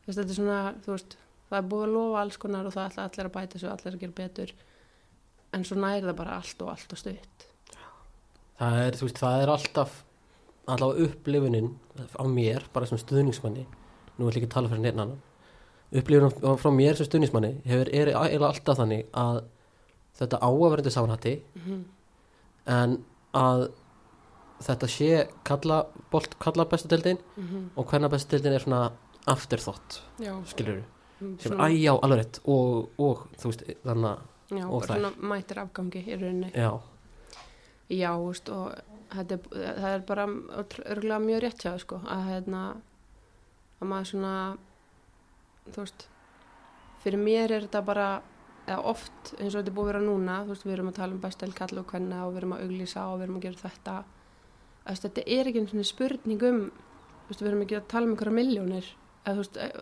þetta sé svona þetta sé svona miklu dýrara ef við gerum þetta fyrir þær, þetta snýst líka um áhuga. Það getur ekki verið það er enginn að segja mér að eitthvað með pening að gera eða, eða neitt annað að hafa konur í lengri tíma auglýsingunni. Þú veist, er það, þetta er eitthvað, þetta hlýtur nú er ég ekki einhver upptökumæður eða takni snillingur, þetta er ekki flókimál nei, þetta snýst bara um áhuga Mm. þú veist, og þetta er, þetta er bara einhver svona veist, var enginn sem eitthvað svona, hei góð pæling, það er svolítið lítið af kvennaboltanum. Þetta engum það í hug? Nei mitt. Og þannig og eins og við sagt líka hérna veist, þetta, þannig þetta hefði bara ekki gerst á hinn áttin bara alls ekki. Alls ekki. Og það, veist það, þá hefði verið, veist, allir mm all, á staðinum bara, þú veist, wow, hvað hva er í gangi? já, fólki hafi örgulega fundist það mjög skríti já. nei, þetta er svona að því manni finnst margt að þessu einfaldi hlutir eða skilur þú veist, þetta er ekki trú að þetta sé svona mikið stórmál að, að hafa þetta aðeins jafnar, sko Einmitt, og, og svo líka bara að hérna uh, af því við erum alltaf að byggja upp kunnabóltan, það er alltaf Mhm. að tala um það við erum byggja upp, gera hann stærri gera hann Mhm. betri, þú veist og, og þannig að en þú veist, það náttúrulega ger, er alltaf þannig að uh, maður þarf fyrst að leggja inn vinnuna, skilur við mm áður en maður sér uh, result, skilur við að því er ekki bara að tala um gera hann betri og þú svo ætlast til þess að vera betri. Nei, einmitt, þú veist, svona svolítið, þú veist, þú uppsker eins og þú sáir. Já, þú veist, það er ekki það er ekki fara að gera stöður þessu nei. Þeir til dæmis voru að spila mistara mistarana þegar það var bóðað í í hérna var ekki eitthvað markasefni já, búið í einhverju auglýsingu á sama tíma eða eitthvað svona. þú veist, þessu svona hlutir já, já, þú þarft ekki að vera einhver snillingur eða með einhverja gráði jafnrétti til þess að fatta hversu heimskvöld þetta er. Nei, þú veist, þetta lítur líka að fara í gegnum fyrir en einn mann. Þú veist, lítur að vera eitthvað, stára leiðin er bara, er, er, er samt ekki leikur hérna? Já, þú veist, það er sem manni, manni finnst svo ótrúðast að það kom ekki það ekki upp einu ljósaper eitthvað svona hei, æ, nei, það er Einmitt. leikur. Það er bara eitthvað, já, frábært. Hérna, senda hennan tölvupóst, bóðunar Mm. ekkert smál, bara hvernig ég, ég skil ekki Já, ég bara, ég getur bara sagt þannig að það er nú mjög einfalt til dæmis bara þegar ég og Steppi erum að bóka þannig að viðmannandur í þáttin mm. það er að fyrsta sem við skoðum hérna þegar við bjóð, bjóðum dagsetningar. Það er hvort það séum við leika saman dag já, og er það eitthvað, eitthvað erfitt Bara erfiðara fyrir alls það er mjög einfalt sko. Bara alls ekki, sko. Nei, þetta, er, þetta er ótrúlegt. Maður bara, já, maður skilur ekki það er líka svo skrítið dæmis bara, tímbil í ár þú veist, þetta er ekki bara eitthvað eitt atriði sem að svona er að koma, þetta er svona fullt af einhverjum atriðum og þú veist, það var ekki núna síðast einmitt hérna auglýsingar í, þú veist, eins og strætóskilum og okkur svona, sem að. Pétur var að einmitt, já, Benda á. já, og líka bara eins og núna þú veist, við spilum við spilum hérna við þrótt í síðust umferð hm, sem að er uh, í rauninni þú veist, svona toppleikur eða skilur svona stórleikur Mhm. veist, já. toppliðin tvö mætast uh, þú veist, að óska eftir meiri umfyllun eins og með, þú veist, eins og strákanir valbreiðablík það er einhver svona panel og menna lýsa og menna tala saman og fá í viðtölu eitthvað svona, þú veist, hvað er þetta þarna þetta er líka stórleikur toppliðin að þú, sé- spila þú sér bara hvernig vikingu breyðablík var já, þú veist, það er náttúrulega bara var öllu tjálta til í rauninni sko. einmitt. uh, og það sama í þeim leik uh, það er ekki fjóruðdómari já, þú veist, það er bara óbáðlegt alveg reynd þannig að maður hérna, já, þetta er bara svona það er búið að vera þú veist, einhverjar eldraðir og gefa út einhverja pistla og þess að þetta og allir að alls konar fólk að tjá sig um þetta og jú, jú, nú lögum við og nú gerum við betur og allir hérna saman í þessu og svo bara eins og ég segi, frábært að þið bættu við tíma einhverja auglýsingu. En það er ekki, það, það er ekki stórumáli þessu, sko, við þurfum bara meira já, já. svona hlutir og svo, svo þarf þetta líka bara að vera, þú veist, konsistant án þess að þurfa að minna á sko. já, svo er það Mhm. það þú veist, það er ekki það, þú, eins, og, eins og þú talar um það er þannig ómögulegt að, að láta að þurfa, að Pétur Pétursson þurfa, þarf að koma í annarkvært viðtal mm og vera bara, hei, hennar muniði já, þú veist, hver er alltaf einmitt þú veist, já. Já, það manni finnst ekki árið 2023 að þetta eiga að þurfa. Líka, þú veist, ég man bara eftir, ég var með leik á stjörnvelli núna fyrir stötu Mm. og ástæðan fyrir því að var ekki mitt fjórudómur þar var að þetta var ekki sjónvarsleikur Já. það var ástæðan sem var gefin Já, sem er náttúrulega bara galin pæling, sko. Já. Og bara, já. Nei, ég, eins og ég segi, þetta er, ég, það er svo lítið sem ég botni í þessu. Og einhvern veginn, þú veist, ég ætla ekki að segja að maður sjá ekki fyrir endan á sig eitthvað þannig, en þú veist, með að við, eins og ég segi, búin að vera í þessu síðan 2017 og alveg þeim tíma var margt, Mm. margt verra, skiljiði. En að þróunin sé ekki hraðari eða stærri er, er alveg ótrúlega mál Ég tók um mitt viðtal við, við hérna Gunnvildessu bara Mm. í uh, mitt eftir mestarmestaranleikin mm -hmm. þá sagði hann að það var ótrúlegt að vera koma tilbaka og sko þetta er alveg eins og þetta var fyrir tíu árum Mhm. svona breytingin var lítil sem engin Já, það er bara mjög rétt hjá henni þetta eru rosalega lítil skref sem hafa verið tekin á mjög mörgum árum og hún var nefnt talað um sko uppgangin þú veist bara erlendis. Mm -hmm. það sé bara svakalegur uppgangur þar Já, bara sem það er. Og svo kemur hann heim og þá er þetta bara eins og að fara aft, aftur um tíu ár. Mm Já, það er það er alveg ótrúlegt sko.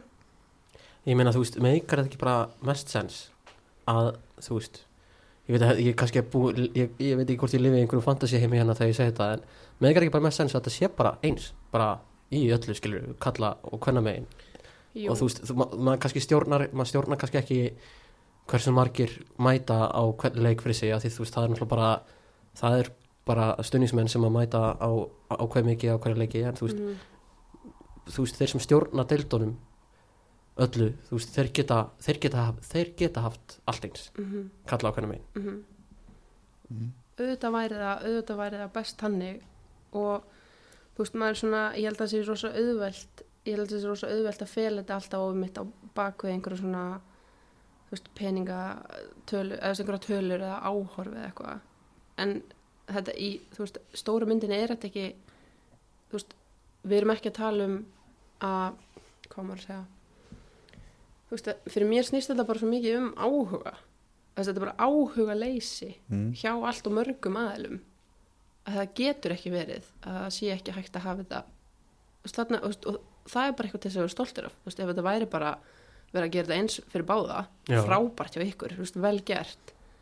En þetta, þetta ég skil ekki hvar vand, veist, það að komi 300 manns á þennan leik en 70 á þennan er þá ekki hægt að hafa þetta eins. Veist, og það, já, og það er ekki eins og þú veist hérna, það er ekki eins og það sé hægt að hrópa húrra fyrir mætingu í kalladeildinni sko. Nei, alls ekki sko.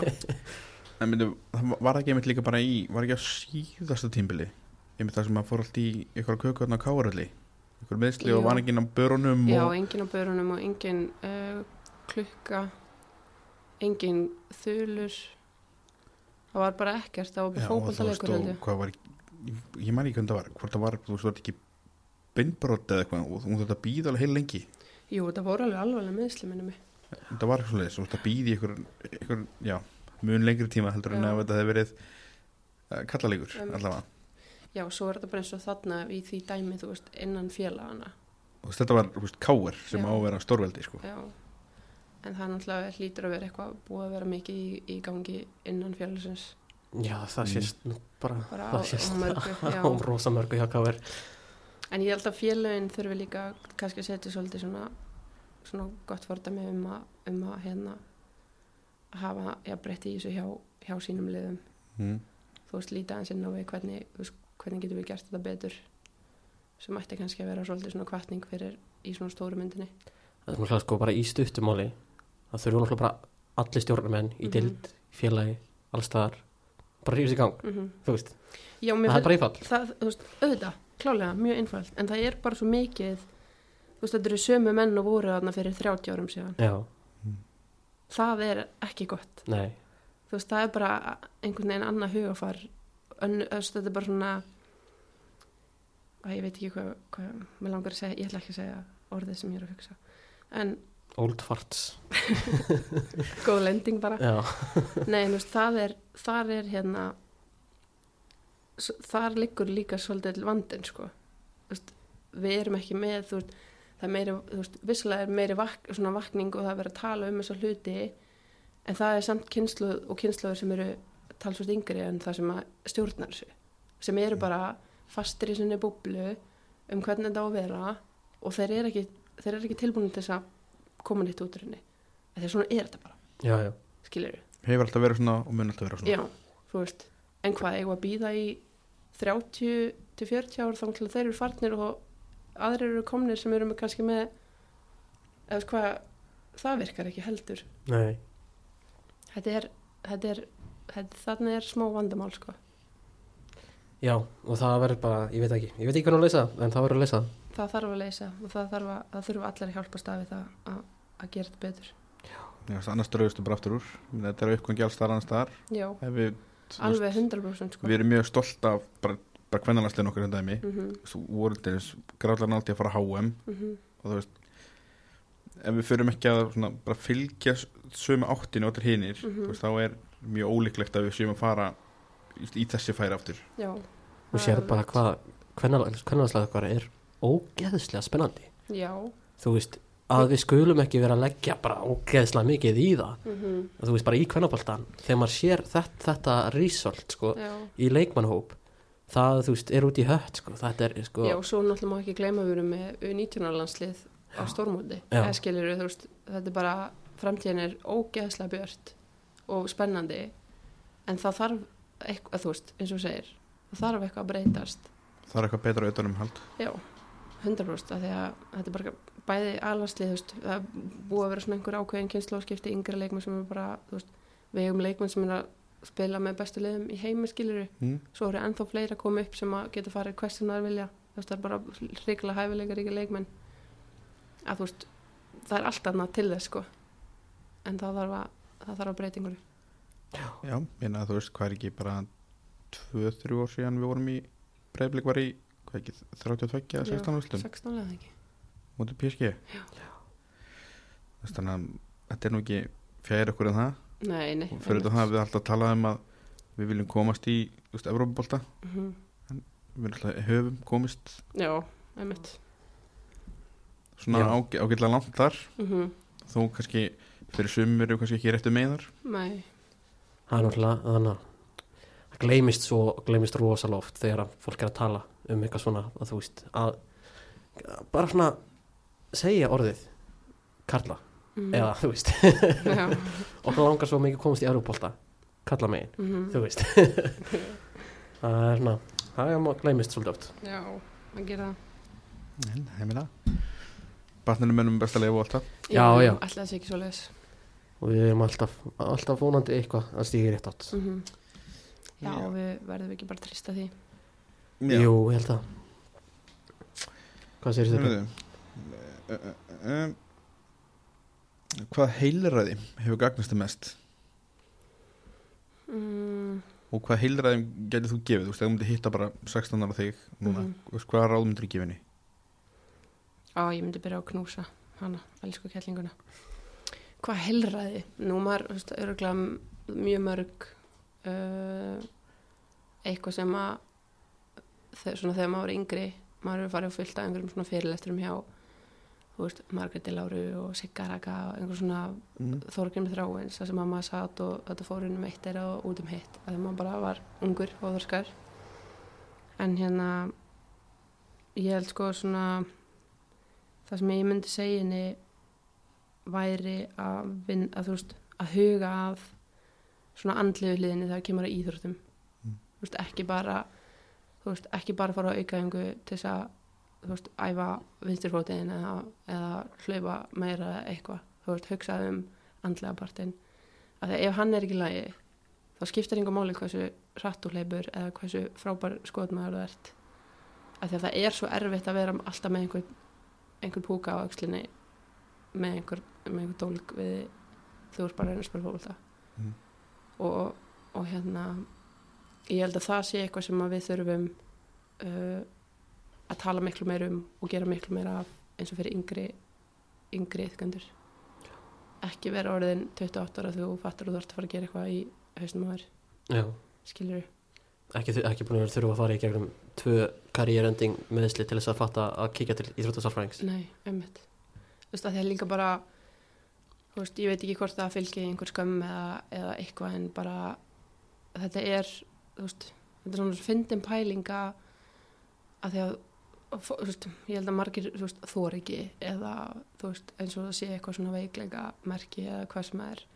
Að því að, þú veist, við erum alltaf til í að fara þú veist, við ég og Ástískar fórum með kapplöfum hvort var fyrstu sjúkarþjálfurum eftir æfingu að því okkur ílt einhverstaðar eða eitthvað. Já, þú veist, við erum alltaf til í að fara eða eitthvað að hnénu eða kálfanum eða lærinu eða við erum með, þú veist, hálsbólgu eða streftakokka eitthvað. En okkur líður illa og erum að gangi gegnum eitthvað að það er stundum það síðasta sem við hugsaum er þú veist, að leita okkur aðstofar að fá hjálp það. Að að þú veist, maður heldur oft að maður sé einn en ég held að sé bara í 99,9% tilugum þá ertu ekki eina mannskjönd sem ertu að gangi ákveðin hluti sko. sko það hefur bara verið upp til hópa viðmannandur sem hefur fengið yngar mm sem hafa talað um þau hafa lent í erfileikum handlega á Mhm. ferlinum -hmm. og hafa þurft að díla við það og hafa átt erfitt með að taka fyrsta skrifið Já, það er bara greiðlega erfitt, ég menna ég var hvað 20 og ég hef ekki verið 27 því við fyrstu sálfræðings ég var búin að vera leiðinni í mörg ár. Mörg, mörg, mörg, ég var alltaf á leiðinni. Ég var búin að finna og, veist, á netinu nokkur sem ég búin að skrifa tölvuposta því þóri ég að ringja ég var búin að senda þeim númer mitt svo þeir getur ringti mig að þegar ég því ekki. En svo ringdu þeir og ég þorði ekki svara. Eða þetta bara svona veist, tók ógeðslega langa tíma og það var eitthvað svona, veist einhver, það fylgdi svo einhver smá svona, að þetta var, ég ætla ekki svo aumingiskapur en eitthvað svona, þetta var einhver veiklegi að þetta er nú ekki svona veist, nú erstu bara dramatísk og, og þú bara líka, þú veist, þegar að maður búinn að, þú veist fara til sálfræðings, búinn að vinna í einhverju búinn að fá að ræða ákveðin hluti komið með einhver tól í hendunar sem hjálpuðu manni það er bara eitthvað svona þetta er bara svona opnaðist nýr heimur fyrir manni. Bara eitthvað svona wow þú veist, það er alltaf það er alltaf lægi að líða svona. En þú þú, þú þarft ekki að þú þarf ekki að gera það. Og þú veist, sama hverju þú veist, að því nú eins og ég var búin að segja einhvern tíma náður, veist, við erum öll að gangi í gegnum eitthvað, það er allir að gera það. Og veist, leikmenn mér skaman að heyra eins og í þessum þætti að sem að fólk er svona eins og opna sig af því að við þurfum að fara að tala um þetta og fleiri, af því að eins og ég segi, við erum öll, það er allir við eitthvað eitthvað vandamálstriða er að díla við eitthvað. Að þetta hérna við, og ég man ekki hvort ég ætlaði með þetta en við þurfum eins og núna er ég að þjálfa uh, tíu og allavur stelpur. Og stundum þá sé ég bara tíu eða allavur öðrunni sif. Og bara svona elsku kjallinga mín bara ef þú vissir hvað væri að koma eða skilir við að því að þú veist það var bara þú veist, auðvitað myndu lenda á vegg. Auðvitað myndi þú veist klassa á eitthvað og þú ert að klífa yfir að þú veist, þú hefur engan sem, þú veist, við erum höfum eh, einhvern veginn öll, öll svona mismöndi komum að, frá mismöndi staði eða eigum mismöndi fjölskyldur, þú veist, sumir hafa engan til að tala við sumir, þú veist, eru mjög hefnir með bara fólki í kringu sig og eitthvað svona geta leita til. En ef, ef við erum með mannski sem að einhvern veginn er, veist, lokuð hefur engan til að tala við, vill ekki leita sér hjálpar þú veist, þá er þetta bara þú veist, þá ertu bara að grafa því dýbra onni í skítin, skiluru og mér finnst eins og með yngri veist, það þarf að byrja einhver hjá félögum einhver vinna. Ekki bara einhver hugmynd, eitthvað svona hei það væri sniðut að gera þetta hér fáið þetta blað heim sem enginn er að fara að gera. Já, þú veist, í dag er þú veist, á miðgudöfum er þú veist, hálftíma styrtaræðing fyriræðingu, hún er andleg. Það er þetta bara nánast að setja tíma. Það er bara að fara yfir eitthvað, við erum að vinna eitthvað verkefni við erum að vinna eitthvað saman. Veist, við erum að gera eitthvað til þess að styrkja. Allan að sá bara svona litlum fræjum. Þannig að þegar orðnar eldri og þroskari og kannski kominu lengur þess að skilja þú veist, þá erum við með aðeins meira til staðar, skiljur það er frábært það er ógæslega þannig að ég hef um mikið, þú veist, þannig að ég hef spurt flesta að því sko, hvort það ætti ekki að, að gera meira af þessu frá yngra aldri mm -hmm. að gefa fólki tól til þess að kljást við erfileikana sem Mhm. að munu koma Já, það er bara það er bara lífið óumflýjanlegt Já. þú ert alltaf að fara að lendi einhverju og það getur alveg eins verið career ending injuryið skiluru Mhm. sem að e, loka ferðlinniðinum það veist, getur verið hausinn sem að þú veist, Mhm.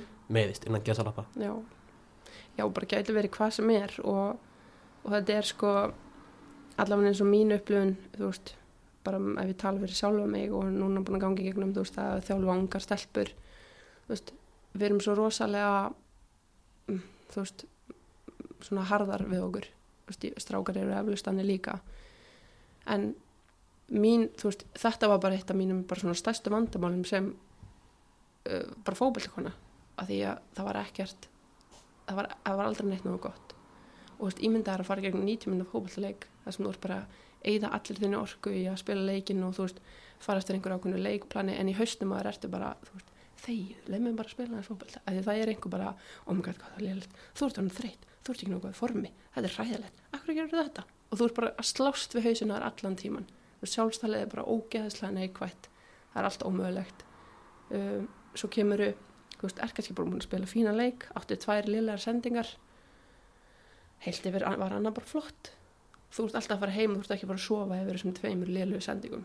Að því að heilin er bara þannig víraður, hann sér bara veist, hann er miklu, er miklu þægilega og auðveldur fyrir hann að sjá það neikvæða. Að því hitt er ekki jafn þægilegt. Það er eins svona uh, það er einmitt, talað um það eins með umtal. Mm Twitter, kommentakerfi, Mhm. whatever.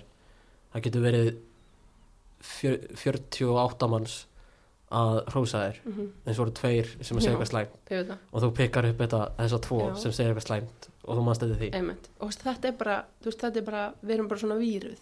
Veist, þetta er ekki einhver veist, þetta er ekki eitthvað sem er endilega lært eða eitthvað þannig, þetta er bara heilin þetta er bara, við sjá, við erum miklu ég, ég sá með þess einhverja tölur yfir þetta, þetta var bara eitthvað svona hvað við erum fáralega líklegri til þess að sjá það neikvæða eða heyra það neikvæða versus það jákvæða.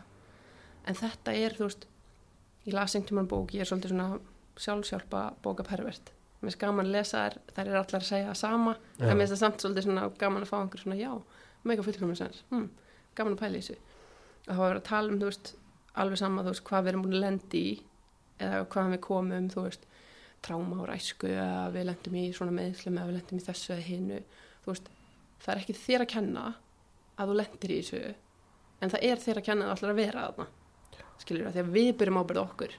Þú veist, ég er þarna mínum ferli, þú veist, búin að vera bara að ströggla og bara, ég er bara að grafa mig í skýt og komin bara okkur svona, herðu, ég kemst ekki neðar.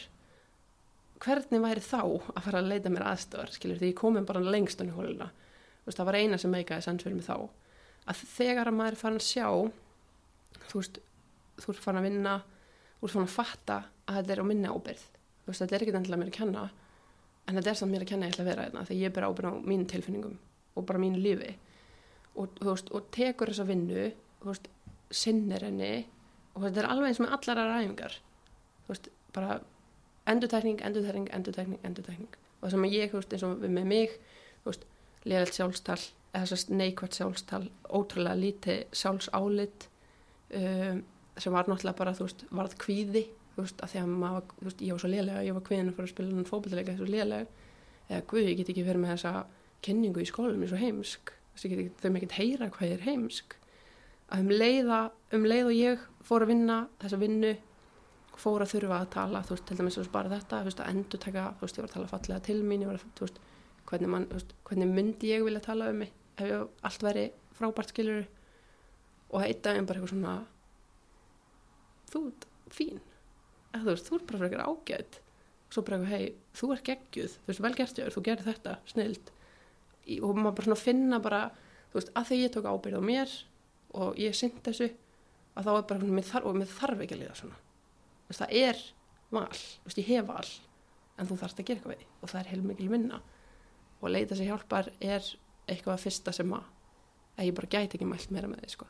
alveg sama hvað allir er gangi í gegnum getur verið mismöndi, þú þú þarft mismöndi tól en bara að byrja einhver staðar Klárlega, ég vil reyndar svona þú veist, bara því að ég veit að það mun ábygglega einhver hugsa þetta þannig að, því ég sé þetta á netinu að Mm. þú veist, það eru einhverjir þannig örfáir sem vilja meina að þunglindi eða á vanlíðan sé þú veist, sé val að Mm. manni líður illa þú veist, það er náttúrulega ekki ég er ekki ráð fyrir að það er ekki það sem þú ert að segja. Nei, nei, þú nei, veist, nei, er þannig þú veist, það er að þannig þú hefur val að gera eitthvað í því. Já, og, og sko, og það er ekki einu svona svo einfalt. Nei, þótt ég segja þetta er val þú veist, get ekki, þú getur verið að díla við eitthvað rosalega mikið og einhver myndi komið til mér, já, þú hefur val. En þá ertu ekki eitthvað, herru, já, make a sense. Nei ég ætla að velja mér að liða betur. Þú veist, þú ert bara það langt komin í því sem þú ert að gangi gegnum að þú veist, ég- var ekki komin, ég var ekki, alls ekki með einhverjar sjálfsvíshugsanir eða eitthvað þannig en ég sá ekki fyrir endan á þessu. Einmitt. og ég bara eitthvað svona þú veist, það, það meikar að, þú veist, kannski væri bara þetta væri kannski bara auðveldra ef ég var ekki til en ég er ekki að fara að gera neitt í því en ég bara sé ekki fyrir endan á því að liða svona illa.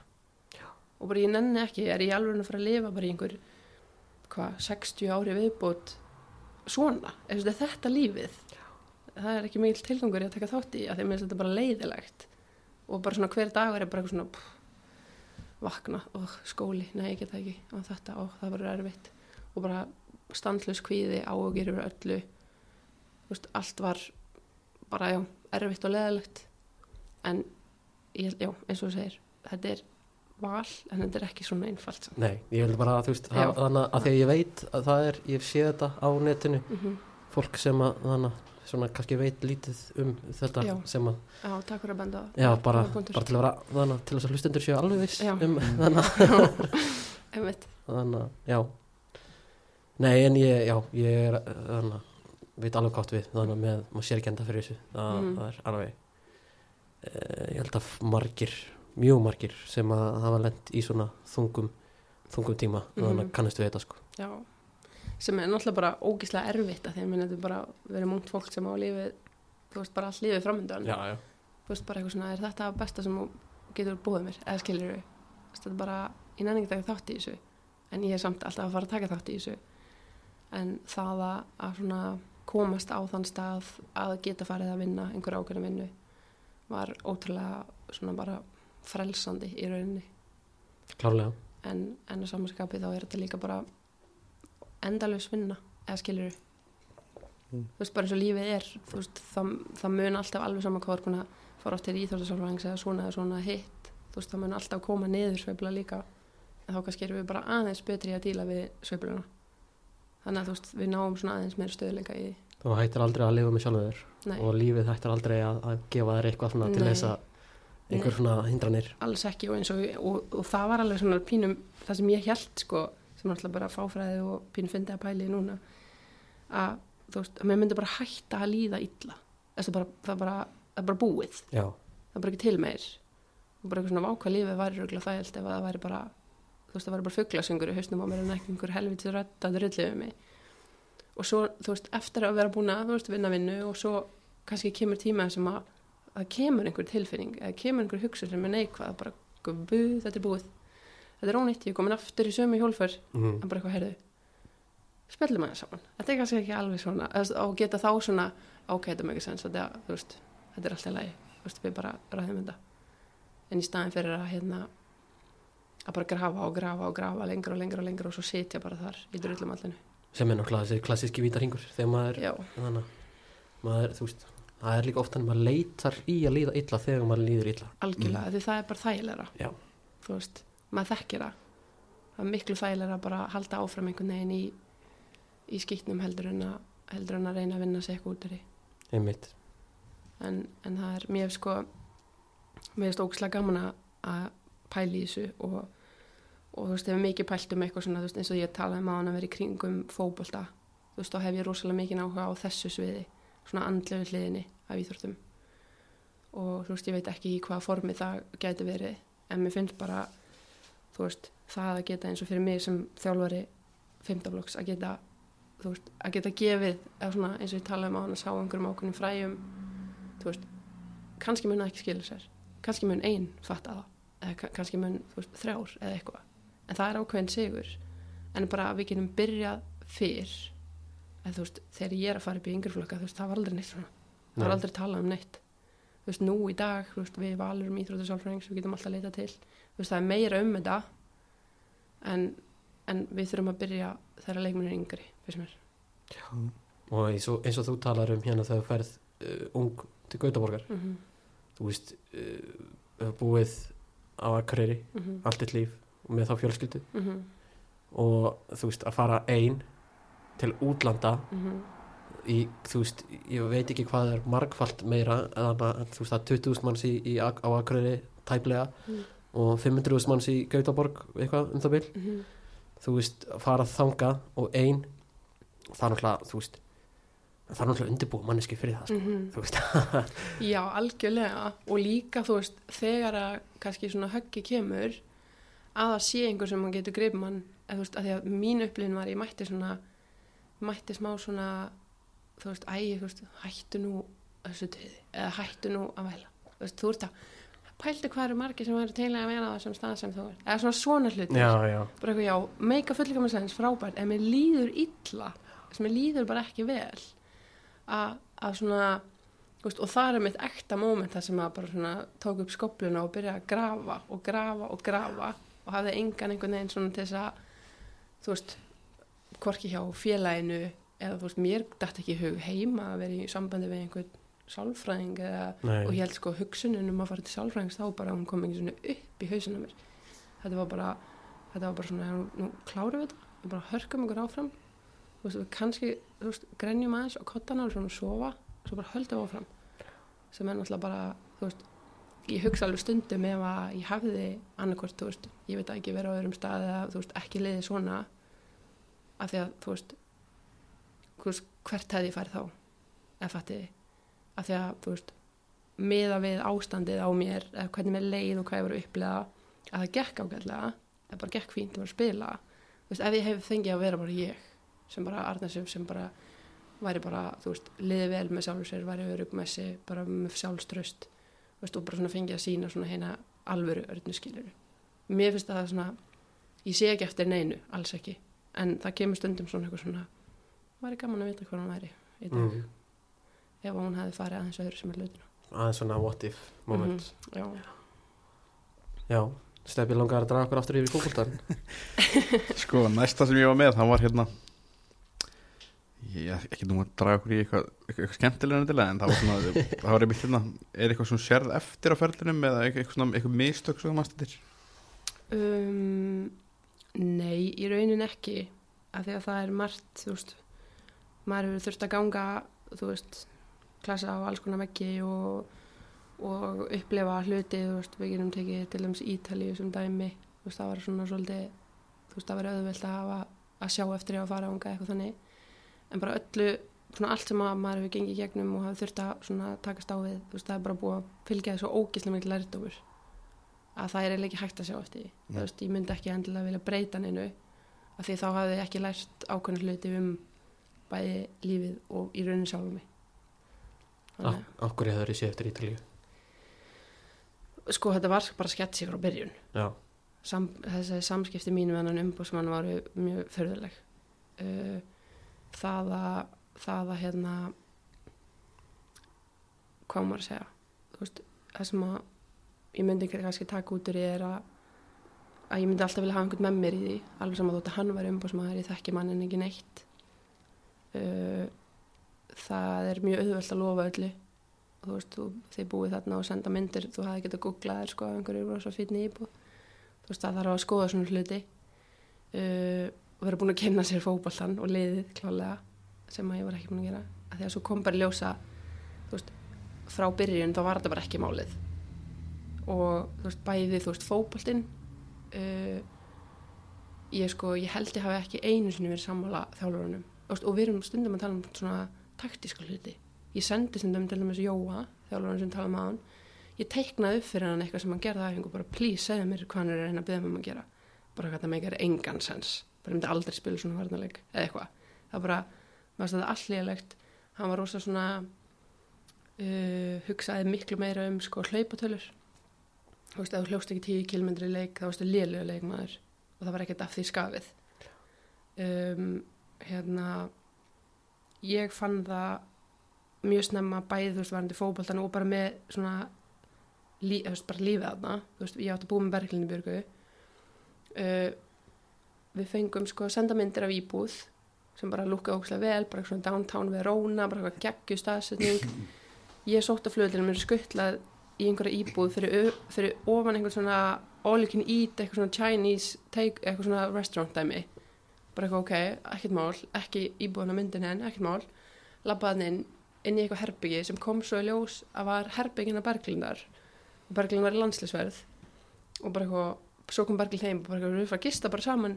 Þessu eru bara að gista saman tvær í þessu rúmi. Ja, ok, alltaf lagi. En svo kom í ljós að þetta var ekki einu herbyggi hennar þetta var herbyggi einhverja annar stelpu sem að svafa á betta fram á gangi. Og þetta voru sko sex leikmenn. Nei 1, 2, 3, 4, 5 þetta voru fimm leikmenn í þryggja herbyggi íbúð.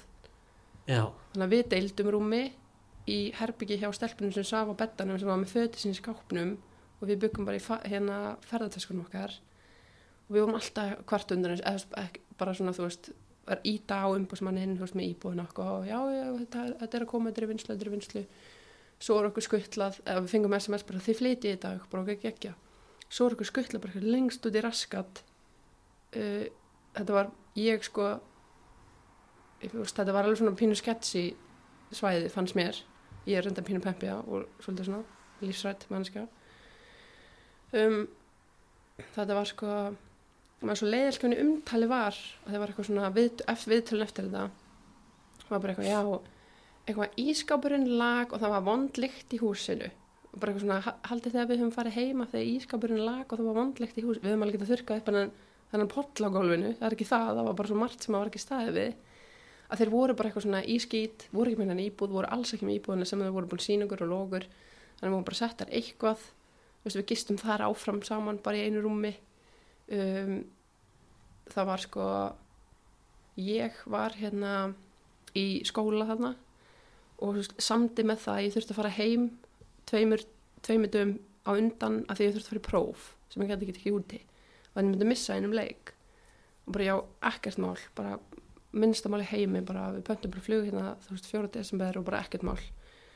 Svo þegar var, þú veist ég held að november var hann eitthvað að byrja eða meðan november þá fór ég að spurja og bara svona já, já, við skoðum það.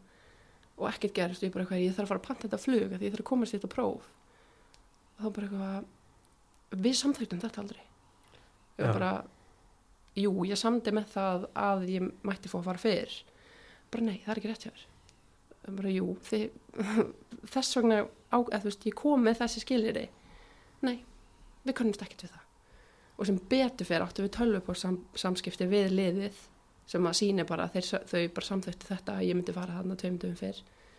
Og það var massa vesen úr þetta því og þau bóðu okkur fund og okkur. þetta var bara allt eitthvað svona þetta var, eitthvað, þetta var bara allt stórt disaster frá aðtilu alltaf að hafa lofur skrifleg.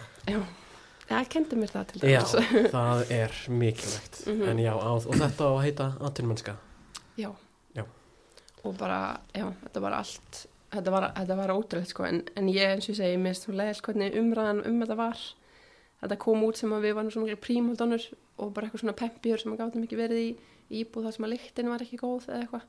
En það voru bara miljón hlutir sem að fóru úrskeiði sann sko já, hljóma þannig En getur séð fyrir þér, til dæmis eins og nú- bara nú, núna að þú getur fara út aftur í atvinnum sko. Já, sko, það er svona kemur og fer.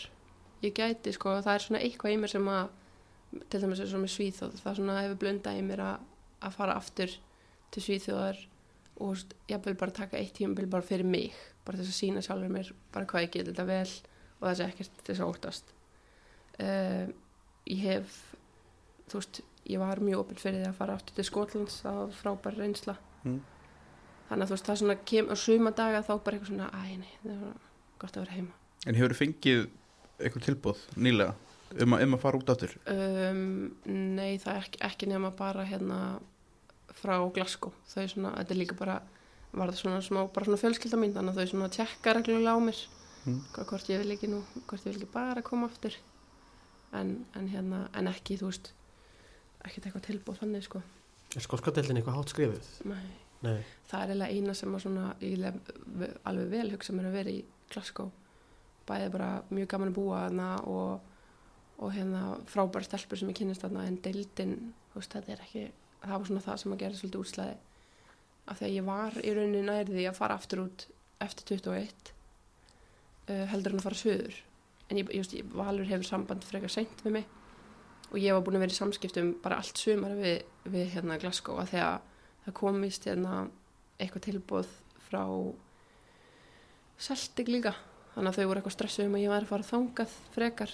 Þannig við vorum svona í samskiptum allt tímbili og, og þau voru búin að bjóða með samning og, og voru, veist, þetta voru alveg orðin sko lang laun, eða svona mestu launin sem ég því þau hækkuðu bara hækkuðu og hækkuðu í hver skipt sem ég sagðist að hugsa máli sko. Já, voru mjög spennt að fá mig aftur en, en bara deildin aðna er þú fær kannski, þetta eru kannski þrjú gólið sem þú fengið svona góðan leik við. Þú veist, restin var bara þá varstu áhorandi sko, sem hafsend allavega. Það var ekki alveg að það var kannski ekki alveg máli hvernig myndur þú byrja þetta saman við íslensku delina? uh, ég held bara að það séu fleiri betri lið hér. Já, Mm. þú veist, svona lakari liðin hér eru mikið betri en lakari liðin úti. En annars er þetta þú veist, góðu leikinnir er alveg góður það er alveg svona topplið veist, bara þessu skóskaldinni í kallabóltanum já, öruglega þar er alveg svona þá er það alveg að fá mjög góða leiki og öruglega þú veist, eins og til dæmis 2000 og 2021 á dettur valur út í mestardeldinni gegla sko og þú veist, ég held að það fari vítspunkjafni, þú veist, það var bara mjög jafn leikur þannig að þú veist, ég, það kannski segir svolítið margt, veist, um þessi bestuleið þetta er kannski bara á pari við bestuleiðin hér. Já, en þau, hérna svo er bara rosa mikið bil á milli næstu. Mm. þú veist, ég spilaði stundum, við spilum aðna þú veist, það voru alveg að vinnast leikir eitthvað svona þú veist, 9-0 og 11-0 og eitthvað svona sem alltaf bara kjaftaði í rauninni. Já, já, það ertu bara eitthvað að standa út í sólinu sko, einmitt. Græðir ekki mikið á því. Hvað er svona stærsta liði sem hefur svona sett sér í sambandi við? mm, ætli það sé ekki bara Gautaborg. Þau náttúrulega voru hvað endur öðru sæti tímabili áður en að ég kem til þeirra sænsku deildinni og hvort þau hafa unni byggar en eitthvað svona voru alveg stórlið þar. En annars er þetta veist, að ég var, maður veit ekki. Ég hefur rosalega reglulega að ég fæ reglulega eitthvað svona þú veist, Facebook sam, hérna, Facebook skilabóð eða Instagram skilabóð frá einhver svona hver er umbóðsmaðurinn eða eitthvað og svo fer maður eitthvað að skoða það er eitthvað svona einhver sem að vinnur hjá þú veist, Lilleström eða, eða einhverju norsku þú veist, ég er búin fá nokkur svona frá, frá Nóri uh, þannig að þú veist, ég tek ekki þátt í því sko, en Nei, þú veist, mm. ég er ekki fara að svara einhverjum Instagram skilabóð með Facebook skilabóð frá einhverjum ókunnum manni sem að spila um umbóðsmanni minn skilur, þannig að svona það verður kannski ekki veist, ekki margt svona, svona alvöru borist til, eða fatti eitthvað við. Mm. en ég held að, ég held að Gautaborg sé En eins og þegar Verona kemur upp, veist, var ekki þetta annað veist, með í raunin ekki. Ekkert svona, Milan eða Fiorentina eða eitthvað, nei, það var ekkert þar. en hérna þetta Gautaborglið mm. er, er þetta ekki Gautaborglið sem saminæðist hekken Jú, Núna, já. er einmitt, það er alveg nokkri leikmenn sem er ennþá í hekkjan sem voru þegar ég var að spila í Göteborg sko. og það voru hann það var frábært lið sem við vorum með í rauninni. Já, og með fjórar úr hollenska landsliðinu. Uh, Líki Martin sem var svo bara tvei mánum setni valin besti leikmæri heimi hún var hérna hún hérna Vandi Donk sem er ennþá að spila með hollenska landsliðinu ég held hún sé Arsenal, nei hún er í Lyon.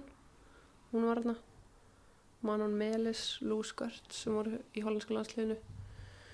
Og svo voru nokkra sænskar landskonur þú veist þetta var hörkulið sko. Já. Það var mjög gaman. Ég er hekken maður sko. Já, ég bjó hann á hýsingin. Já, ok. Fyrir það sem það ekki Já, ok, ok. Gott að vera hekken maður þetta sko. Já, þetta er hérna, það gengur vel hjá þeim. já, Já, uh, hvað svona gerur bara í, í frítíunum, varstu með einhverja aðra ástriðu heldur en fótbolta? Um, sko, núna síðustu, hvað ég útskrifast 2021, síðan þá er ég bara búin að vera í fótbolta og þjálfa. Ég er bara að vera að þjálfa eitt flokk, ég er með mjög mikið frítíma. Og ég er bara svona, ég er svolítið mikil bara svona dundari. Mér skal að vera með einhver handavinu, vera hekla, fyrir ekki mikið grín fyrir það. Þá skal að teikna. Eða þú veist bara hitta fólki mitt og, og fara í göngutúr með hundi minn eða hvað sem það er sko. Mm. Ég, er, ég er alveg ekta dundari. Já, ég minna, þú veist, e- allan eitthvað. Já, einmitt. og lesa, mér skal maður lesa. Hver er svona að styrja það mest með að vera heklari? Mamma. Sko, ég náttúrulega þarf aðeins að halda uppi hérna svona næstu kynnslóður minni fjölskyldu. Mamma er útrúleg og eina af eldri sýstu mínum líka, þannig að ég er að reyna að vera svo þær. Mm. Fjölda framlega. Svo- Já. Svolítið, svolítið mikið í fótbolta, en þú veist, ef þú væri ekki í fótbolta, Mm. hvað heldur þú að gera? Vá, það er frábær spurning. Ég geti trúa, ég væri bara, ég væri að vinna eitthvað með krökkum, sko. Ég ge- geti trúa að vera leikskólakennari. Mm. Mér langaði eins og alltaf rosalega mikið að vera leikskólakennari. Vann ofta á leikskóla yfir yngri. Ég var yngri, ég var svo- 18, 20, 22 eða eitthvað. Ég var örgulega bara, já, leikskólakennari og var örgulega komið bönn og eitthvað að dúla mér. Hekla í frítíma. Mm. mm. þú þú ert ekki komið börn Nei. nei, hefur ekki verið pressa þannig frá fjölskyldunni eða neitt þannig Nei, alls ekki. Það er fínt að ég á svo mörg sískinni og þau eiga alltaf mikið af börnum þannig að þetta var fínt í byli já, Nú flýgur svolítið undir radarinn já, það er hérna það er bara ég og hundri minn við, við erum gott heimi mm? fínt að fá sér böll lánuð í smá og svo færðu nóg og Já, þá svo- skilaru gott að geta skila ég þekkja það vel, ég, ég var þrjá þannig að litla frændur, það er alltaf gott að geta skilað Já, þeim sko. það er mjög fínt. Geta æstaði upp og síðan skila Já, Einmitt. nú er þólimaði mín búinn geður nóg bara námi heim. Já. Heyrðu, Þá held ég að við séum bara dætt í já, þetta er léttlið létt, Já, þannig að metið. Þú vilt ekki kalla þetta lengur deildina er- sem þetta er heitir, þetta er ónefnd sjömanna- deild. þetta er sjömanna liðudeldin mm, já, já. deild. Það verður bara ákveð fyrirtæki að, að svara talupóstum til þess að þetta heitir eitthvað annað. Herru já, hætti ég ekki finna búið til eitthvað lið? Jú, hérna, shit, ég var búin að gleyma því. Já, það er bara on the fly það sjömanna lið. Þú, Já. bara, þeir leikmenn sem þú spila með. Já, þú mátt líka velja eitt, kannski eitt svona wildcard pick, bara eitthvað sem þú hefur viljað spila með kannski, ok. Bara ef við byrjum þá bara markmanni. Þú veist, uh, erum við að tala um bara eitthvað svona ég er að búið til pestaliðið af leikmunum, sko, það er algjörlega frjálstval þetta má líka vera skemmtilegst lið sko. já, og stemmingslið Já, þetta má vera bara eins og þú vilt hafa sko. Þú ert bara leiðin í, í hvað, má segja bumbubolta eða eitthvað? Já, ok, og þú veist, þú ert með sjömanalið Já. hver, hver að tekur með þér út á sparkvöld já, emitt ok, og er í þínu liði? Já, ok. Það segja all, alltaf já. Já, ok. Má ég sjá, nei, láttu mig sjá. Ég ætla að setja uh, mínu konu Fanny í marki Já, hún hérna hún losnar ekki við mig. Strax. Uh, ertu með einhverja hugmynd um hvernig þú ætlar að stilla þessu upp eða þrýr, fjóri, fimm, sex þrír, fjórir, fimm, ok, ég ætla að stilla upp í tveir. Tveir, þrýr, einn. Já. meikar ekki sens. Það er mikið sens ok, Hver er, ætlar að hafa þig í vörni eða? Nei, ég nenni ekki. Ég nenni, nenni þess ekki. Og verið þjálfari? Ég er, já, ég er á hliðalínu herðu ég ætla að taka mist. Já, Adolfsdóttir uh, nei, býtur ég verða eitthvað hans að endur hugsa þetta. Ef við kennum steppa um þetta hann hefði þetta minnaði á.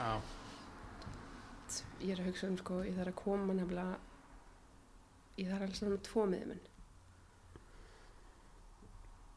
þrýr, tveir, einn. Þrý, tveir, virka líka. sóktjarfa bakuri Já, ok, mist ok, fann í markinu. Mist um, fyrir miðri vörninni. Já, uh, svo erum við með, ég ætla aðeins að gefa mig tíma í hinnar tvo varnamennina taka með þér menna fyrst taka bara. með hennar fyrst.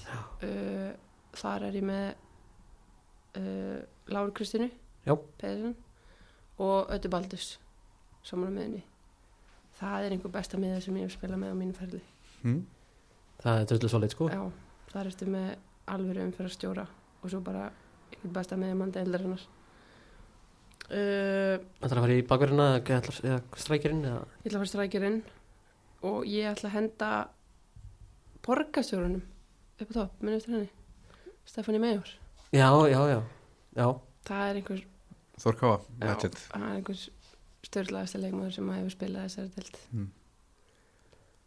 hún myndi skora ófámörk fyrir okkur. Alveg pottet sko. Uh, í bakverðina ætla ég að setja ég set Elsu Viðas Já, hægra megin. Og ég set, mér veist að ég ætla að vera mjög valslojal núna. Ég ætla að setja Rakel ég ætla að vera með valsvörninu mínu frá því fyrra. Rakel, Mist, Elsa Lára Adda og svo bæti við Fanny upp á topp. Hm? það er bara, þetta er þannig að mjög gott lið. Já, þannig að góð, góð kontender í næsta, næsta úsludeimi gaman að segja það við vorum, ég var með núna. Þegar ég tek, tökum þetta upp í síðustu viku þá setti ég í smá leik í Instagram story þar sem Mm. að ég tók öll, all þá svona átta uh, leikmenns eða viðmælendur sem hafa komið til okkar. Mm. tók sjömanlið þeirra og gerði svona áttalega úrslit. Já, Áslugmynda vann það og Ok. þannig að hún var líka með bara, hún var neila bara með landslið sko. já þetta var ok. geggjalið sko, sem var með þú veist en Já, þú veist, hún fær gott hrós í verðlaun. Gekkja Þannig að gerði þetta bara upp á gamanið sko. Sko, þangað til að ykkur svara tölupóstum Já, nákvæmlega. Þangar til að fólk svara tölubústum þá er bara ekkert í verðlaun hjá okkur nema hrós. Það er bara falleg, Já. mjög falleg pæling. En, þannig, að- en þú, þú verður þá þannig, að alveg pottit einhver kontender í, í næstu, næstu keppni sko. nú er ég fann að úrfjöksa þetta sko. Má hætta við. Já, Þetta er er er, er, gott- er lið sko. Þetta er- fer eitthvað áfram ég Svolítið sko. varna sinna lið. Já, Er það er er- er- er ekki alltaf að tala um að vörð muni til það? Það er nákvæmlega svo lið, það er rétt hér já. Um, Ég mjög, er ég hefði allavega mjög gaman af því að Instagram fylgjiðin okkar mm. þó þeir séu ekkert það margir þeir mega vera fleiri, follow okkur á Instagram. Mm. þannig að, uh, að þeir hafi valið þannig að uh, kvennalið í Já. þannig að Sigur. Já, hún var að spila keppum móti Adamægi sem var líka mjög gott lið mm. í úrslutunum og þannig að hún vann bara frekar vel, ég held að það voru 65% eða eitthvað sem Já, kvist hana. ok, ok, Hún er ok með svendis í liðinu sín sko. Það keppir er ekki við það. átáin sko. Já, Strákan er það ekki við það. Keppir ekki við það. Nei, en hjá fyrir við síðasta, síðasta lettmyndið þannig að árum við slútum þessu. Það er, spilar eitthvað tölvuleiki? Nei, eitthvað FIFA? Nei við, það er allavega svona game mode í því sem er Ultimate Team. Ok, og þá fá leikmenn svona spjald. Já, til þess að sem segir bara þú veist hvað er góður í þannig að misfandalum það er sex svona stats. Ok, og ætlum búið til þeitt spjald. Ok. Og þá byrjum við bara á að velja uh, eitt svona stat og það er pace hraði. Frá 0 upp í 99 hvað Ok. myndir ekki á þér? Þú miða við bara bestu þá. Meða við bestu. Bara bestu deildeirna sko. Já, að fara já, með, að við þú veist. Nei, ok. Um, Pace, það er ágætis pace í manni sko. Uh, Ég ætla að gefa mér ég ætla að vera djörf og gefa mér svolítið hátt þar. Já, Ég ætla að setja ég ætla að setja svona 92 92 í pace, Já. ég það. Og næsta stat er þá shooting, skot. Center Gammal sendir sem að uh, er orðin það mikill varnamaður og hún heldur hún þurfa að rífa netið þegar hún er að skjóta sko. Heldur það sé örugast Það er partur af þessu að shooting power. Já, já, Já, ok. Það tekur eitthvað aðeins upp. Uh, Shooting mm, Ég hef ekki bara að henda í svona 61 Er það mikið? það er held ég bara frekar allt í lagi fyrir hafsend sko.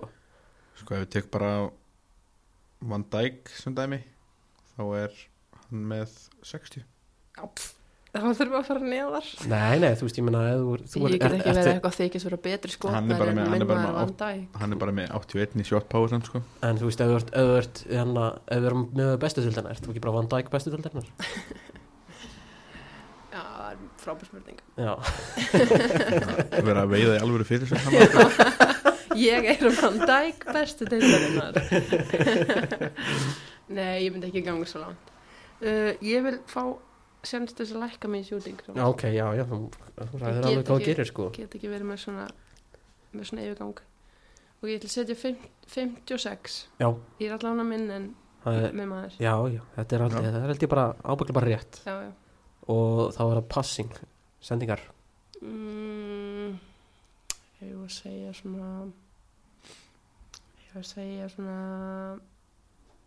Sko það er pínu er- erfitt þegar maður er að pæli í deildinni. Uh, var að segja 79 79, mm? það er bara gott. Og dribbling. Reykja boltan bling það er, þú veist, fara fram hjá manni og líka bara ballkontról og, og þú veist. Composure, 1 og 1 Já Þetta var svolítið vítt. Já, þetta, Já. þetta er, veist, þetta heiti dribbling en ég held að þetta sé alveg bara hvernig ertu með boltan í fætur sko. Já, Já, og þú veist eh, Ég er einn að íslenska þetta svona on the go. Já, en, þú veist, veist, Þetta er veist, agility, balance, reactions, ball control sem bara dribbling og composure já. Mm, Ég var að segja þessi sex þettir sem við erum að taka inn. Já. Ég var að segja kannski bara svona Ég veit ekki, 70 og- 71 já. Ég held að það sé Það er einu minna en Van Dijk. Ég er að segja ykkur að við erum the same player. Já. Þá get, núna getur við fæðið hátt, það er defending. Já, það eftir að vera ágætlega hátt. Já, uh, Eigum við að segja ef við erum að miða út frá bestu mm, við set- segja 90 og 95 Já, Já. ég fíla það er ekki bara? Jú. Er ég að vera ríkalega góð með mig? Nei, nei, Mér finnst það bara, mér finnst það bara rétt Ok. Svona til viðmiðunar þá er veldi Byrninsnær meina að hann var 99 í dribling það Já. hægst að svona getur verið Ok, Það hafa sumir farið ómat já. Þú hefur, ég heldur sétt ekki að fara í ómat hinga til sko. Sér hafa sömur svolítið svona dreigi úr sér svolítið líka Já, þetta er svona, það er eiginlega annað hvort eftir að hóvar eða ertu í Já, ómati það, já. það var síðasta stati, það er physical Það er nú hátt. Er það ekki bara að tala um bara svona styrk? Já, bæði sko. styrkur og úthald og ég held að er ekki jumping Sko, ég skal lesa bara flokkana Það er jumping, stamina, strength og aggression Já. Ég hljóti nú að skora ágætlega hátt þar. Uh, ég var að segja, ég var að segja á 88. Já, 88 Hvað, hvað er minn maður vandað ekki með það? Hann er 86 Tjöfullir en allt sem er. já, Hann, fyrir, hann, Þannig að ég tæknilega sé er betri en hann. já, Já. hann, hann dregst, svolítið niður hann í stamina Hann er með 74 þar Ah, ok. hann, er svolítið, hann er með yfir 80 og það er 90 allir hínu Ah, ok. það er nýja fyrirsögnin Þú ert betri Er en- ég eh, be- betri en betri en hann, En síð, eh, nei, Síðasta er bara overall. Já. bara frá 0 upp í 99 þarf ekki að þú veist vera plústa saman eitt sko, bara, Já, bara sem leikmaður. já, Bara he heildar, heildar skorið. Ok. Uh, um, Ég ætla að segja 80 og 84 já. Er það lítið? Er það mikið? Já, svolítið lítið. Já, ég hefði sett, sett það aðeins hérna sko. Já. eða sérstaklega verið með bestildina sko. Já, þú vilt halda, halda, halda í vandægvinnin þá hann er 90 já. Það þá verðum við að fara eins og við setjum 88 já, fíla það, mér finnst það gott. En já, þá held ég að þá er þetta bara allt komið hjá okkur. Já. hérna, uh, ég ætla að bara Nefn að þú viljir skora okkur Já, einmitt, ég, gleym, ég, ég, þú veist, ég kom með þessa spurningu sjálfur svo gleymi ég henni alltaf. Langa því að skora á einhvern í deildinni kalla eða hverna Mm. til þess að koma og uh, vera við mannandi hjá okkur í þettinum uh, bub. Já Það væri það væri mjög gaman að hlusta til dæmis á Láru Kristínu. Já, það væri mjög skemmtilegt. Já, bara endilega Lára Kristín ef þú ert að hlusta þá hérna við bara, þú veist og þannig að viljum tala við sem flesta þannig að bara Já, Já, Já, er kannski já. hurðin er opinn fyrir e, flesta. Já, sko, hugmyndin upphæði var náttúrulega að tala við bæði sko, fulltrúa frá öllum liðum í efstu og næstu stild hún hefur svolítið svona þróast út í það að við viljum reynum bara ræða við hvert sem er. Já, ég hérna, það er já, þetta er var- ekkert, ekki, ekkert svona þú þú þarft ekki að vera þarna eða þarna eða, Nei. þetta er bara svona það er með áhuga, áhuga að vera sögu það voru til að tala við sko. Já, algjörlega, það er eins og ég segja við þjá mér finnst bara mjög gaman, ég er búin að hlusta nokkur þætti að svona heyra um eitthvað allt annað en einhver svona klísju frasa um skilur, bara svona að fá að kynnast manneskjuna þess. og em, em, kannski líka bara svona hva, hvernig síðasta leikur fór. Já, svona hvernig er tilfinningin eftir þennan leik. Já, það er mjög skemmtilegt að hérna bara um að gera tala við sem flesta Já. það er Svona- náttúrulega að læra helling. Kannski aðeins um svona, um, um svona viðtölu svona, er eitthvað spurning sem veist leðilegast að fá eftir leik? Já, mér finnst alveg ótrúlega leðalt að fá eitthvað svona, já, hérna, þú skoraðir mark, segð okkur hans frá þessu marki. Já, svona, hvað meinar þú svo- varst ekki að horfa, já, hvað ætlaði að segja þér? Já ég er rak mig í boltan og fór inn. Já, Ég er mér samanlega mjög stolt að fyndi svolítið fyndið. Þannig að nema, nema það var eitthvað mjög skrítið við markið Já, þá einmitt finnst mér alltaf fyndið þetta þetta, spurning. þetta, er er alltaf eitthvað svona úr held ég bara svona bröska pöndurín þetta, er- þetta er alltaf svona ef við skora bara þá alltaf svona talk us through it. Já, já, þetta sé svona að tekið eitthvað stað þannig sko. Já, Nei, sko, ég held að eina skipti sem ég hef spurt þessa spurningu var þegar að Emil Ásmunds skoraði besta mark uh, 21. aldar. Þannig á fylgis. Já, ég var á þeim öllu Já, ok. Og það, það er held ég eina skipti sem ég hef spurt út í Já. spurt þessa spurningu, sko. Nei, veist, ég skil, skil það sko. Það svona hvað var að fara í gegnum hausna þér. En eitthvað svona, þú veist, pótunum inn eða skallan inn úr hotni Eitthvað svona, segðu hans frá markinu. Bara, þú var hotn, sem heitti höfuð á mér. Og það var Já, það er ekki það að segja þetta mikið meira. Nei. Herðu, já, með þeim orðum þá bara þökkum kærlega fyrir komuna já, bara takk fyrir að fá mig, það var mjög skemmtilegt. Já, og bara við kveðjum, verið sæl. Sæla sinni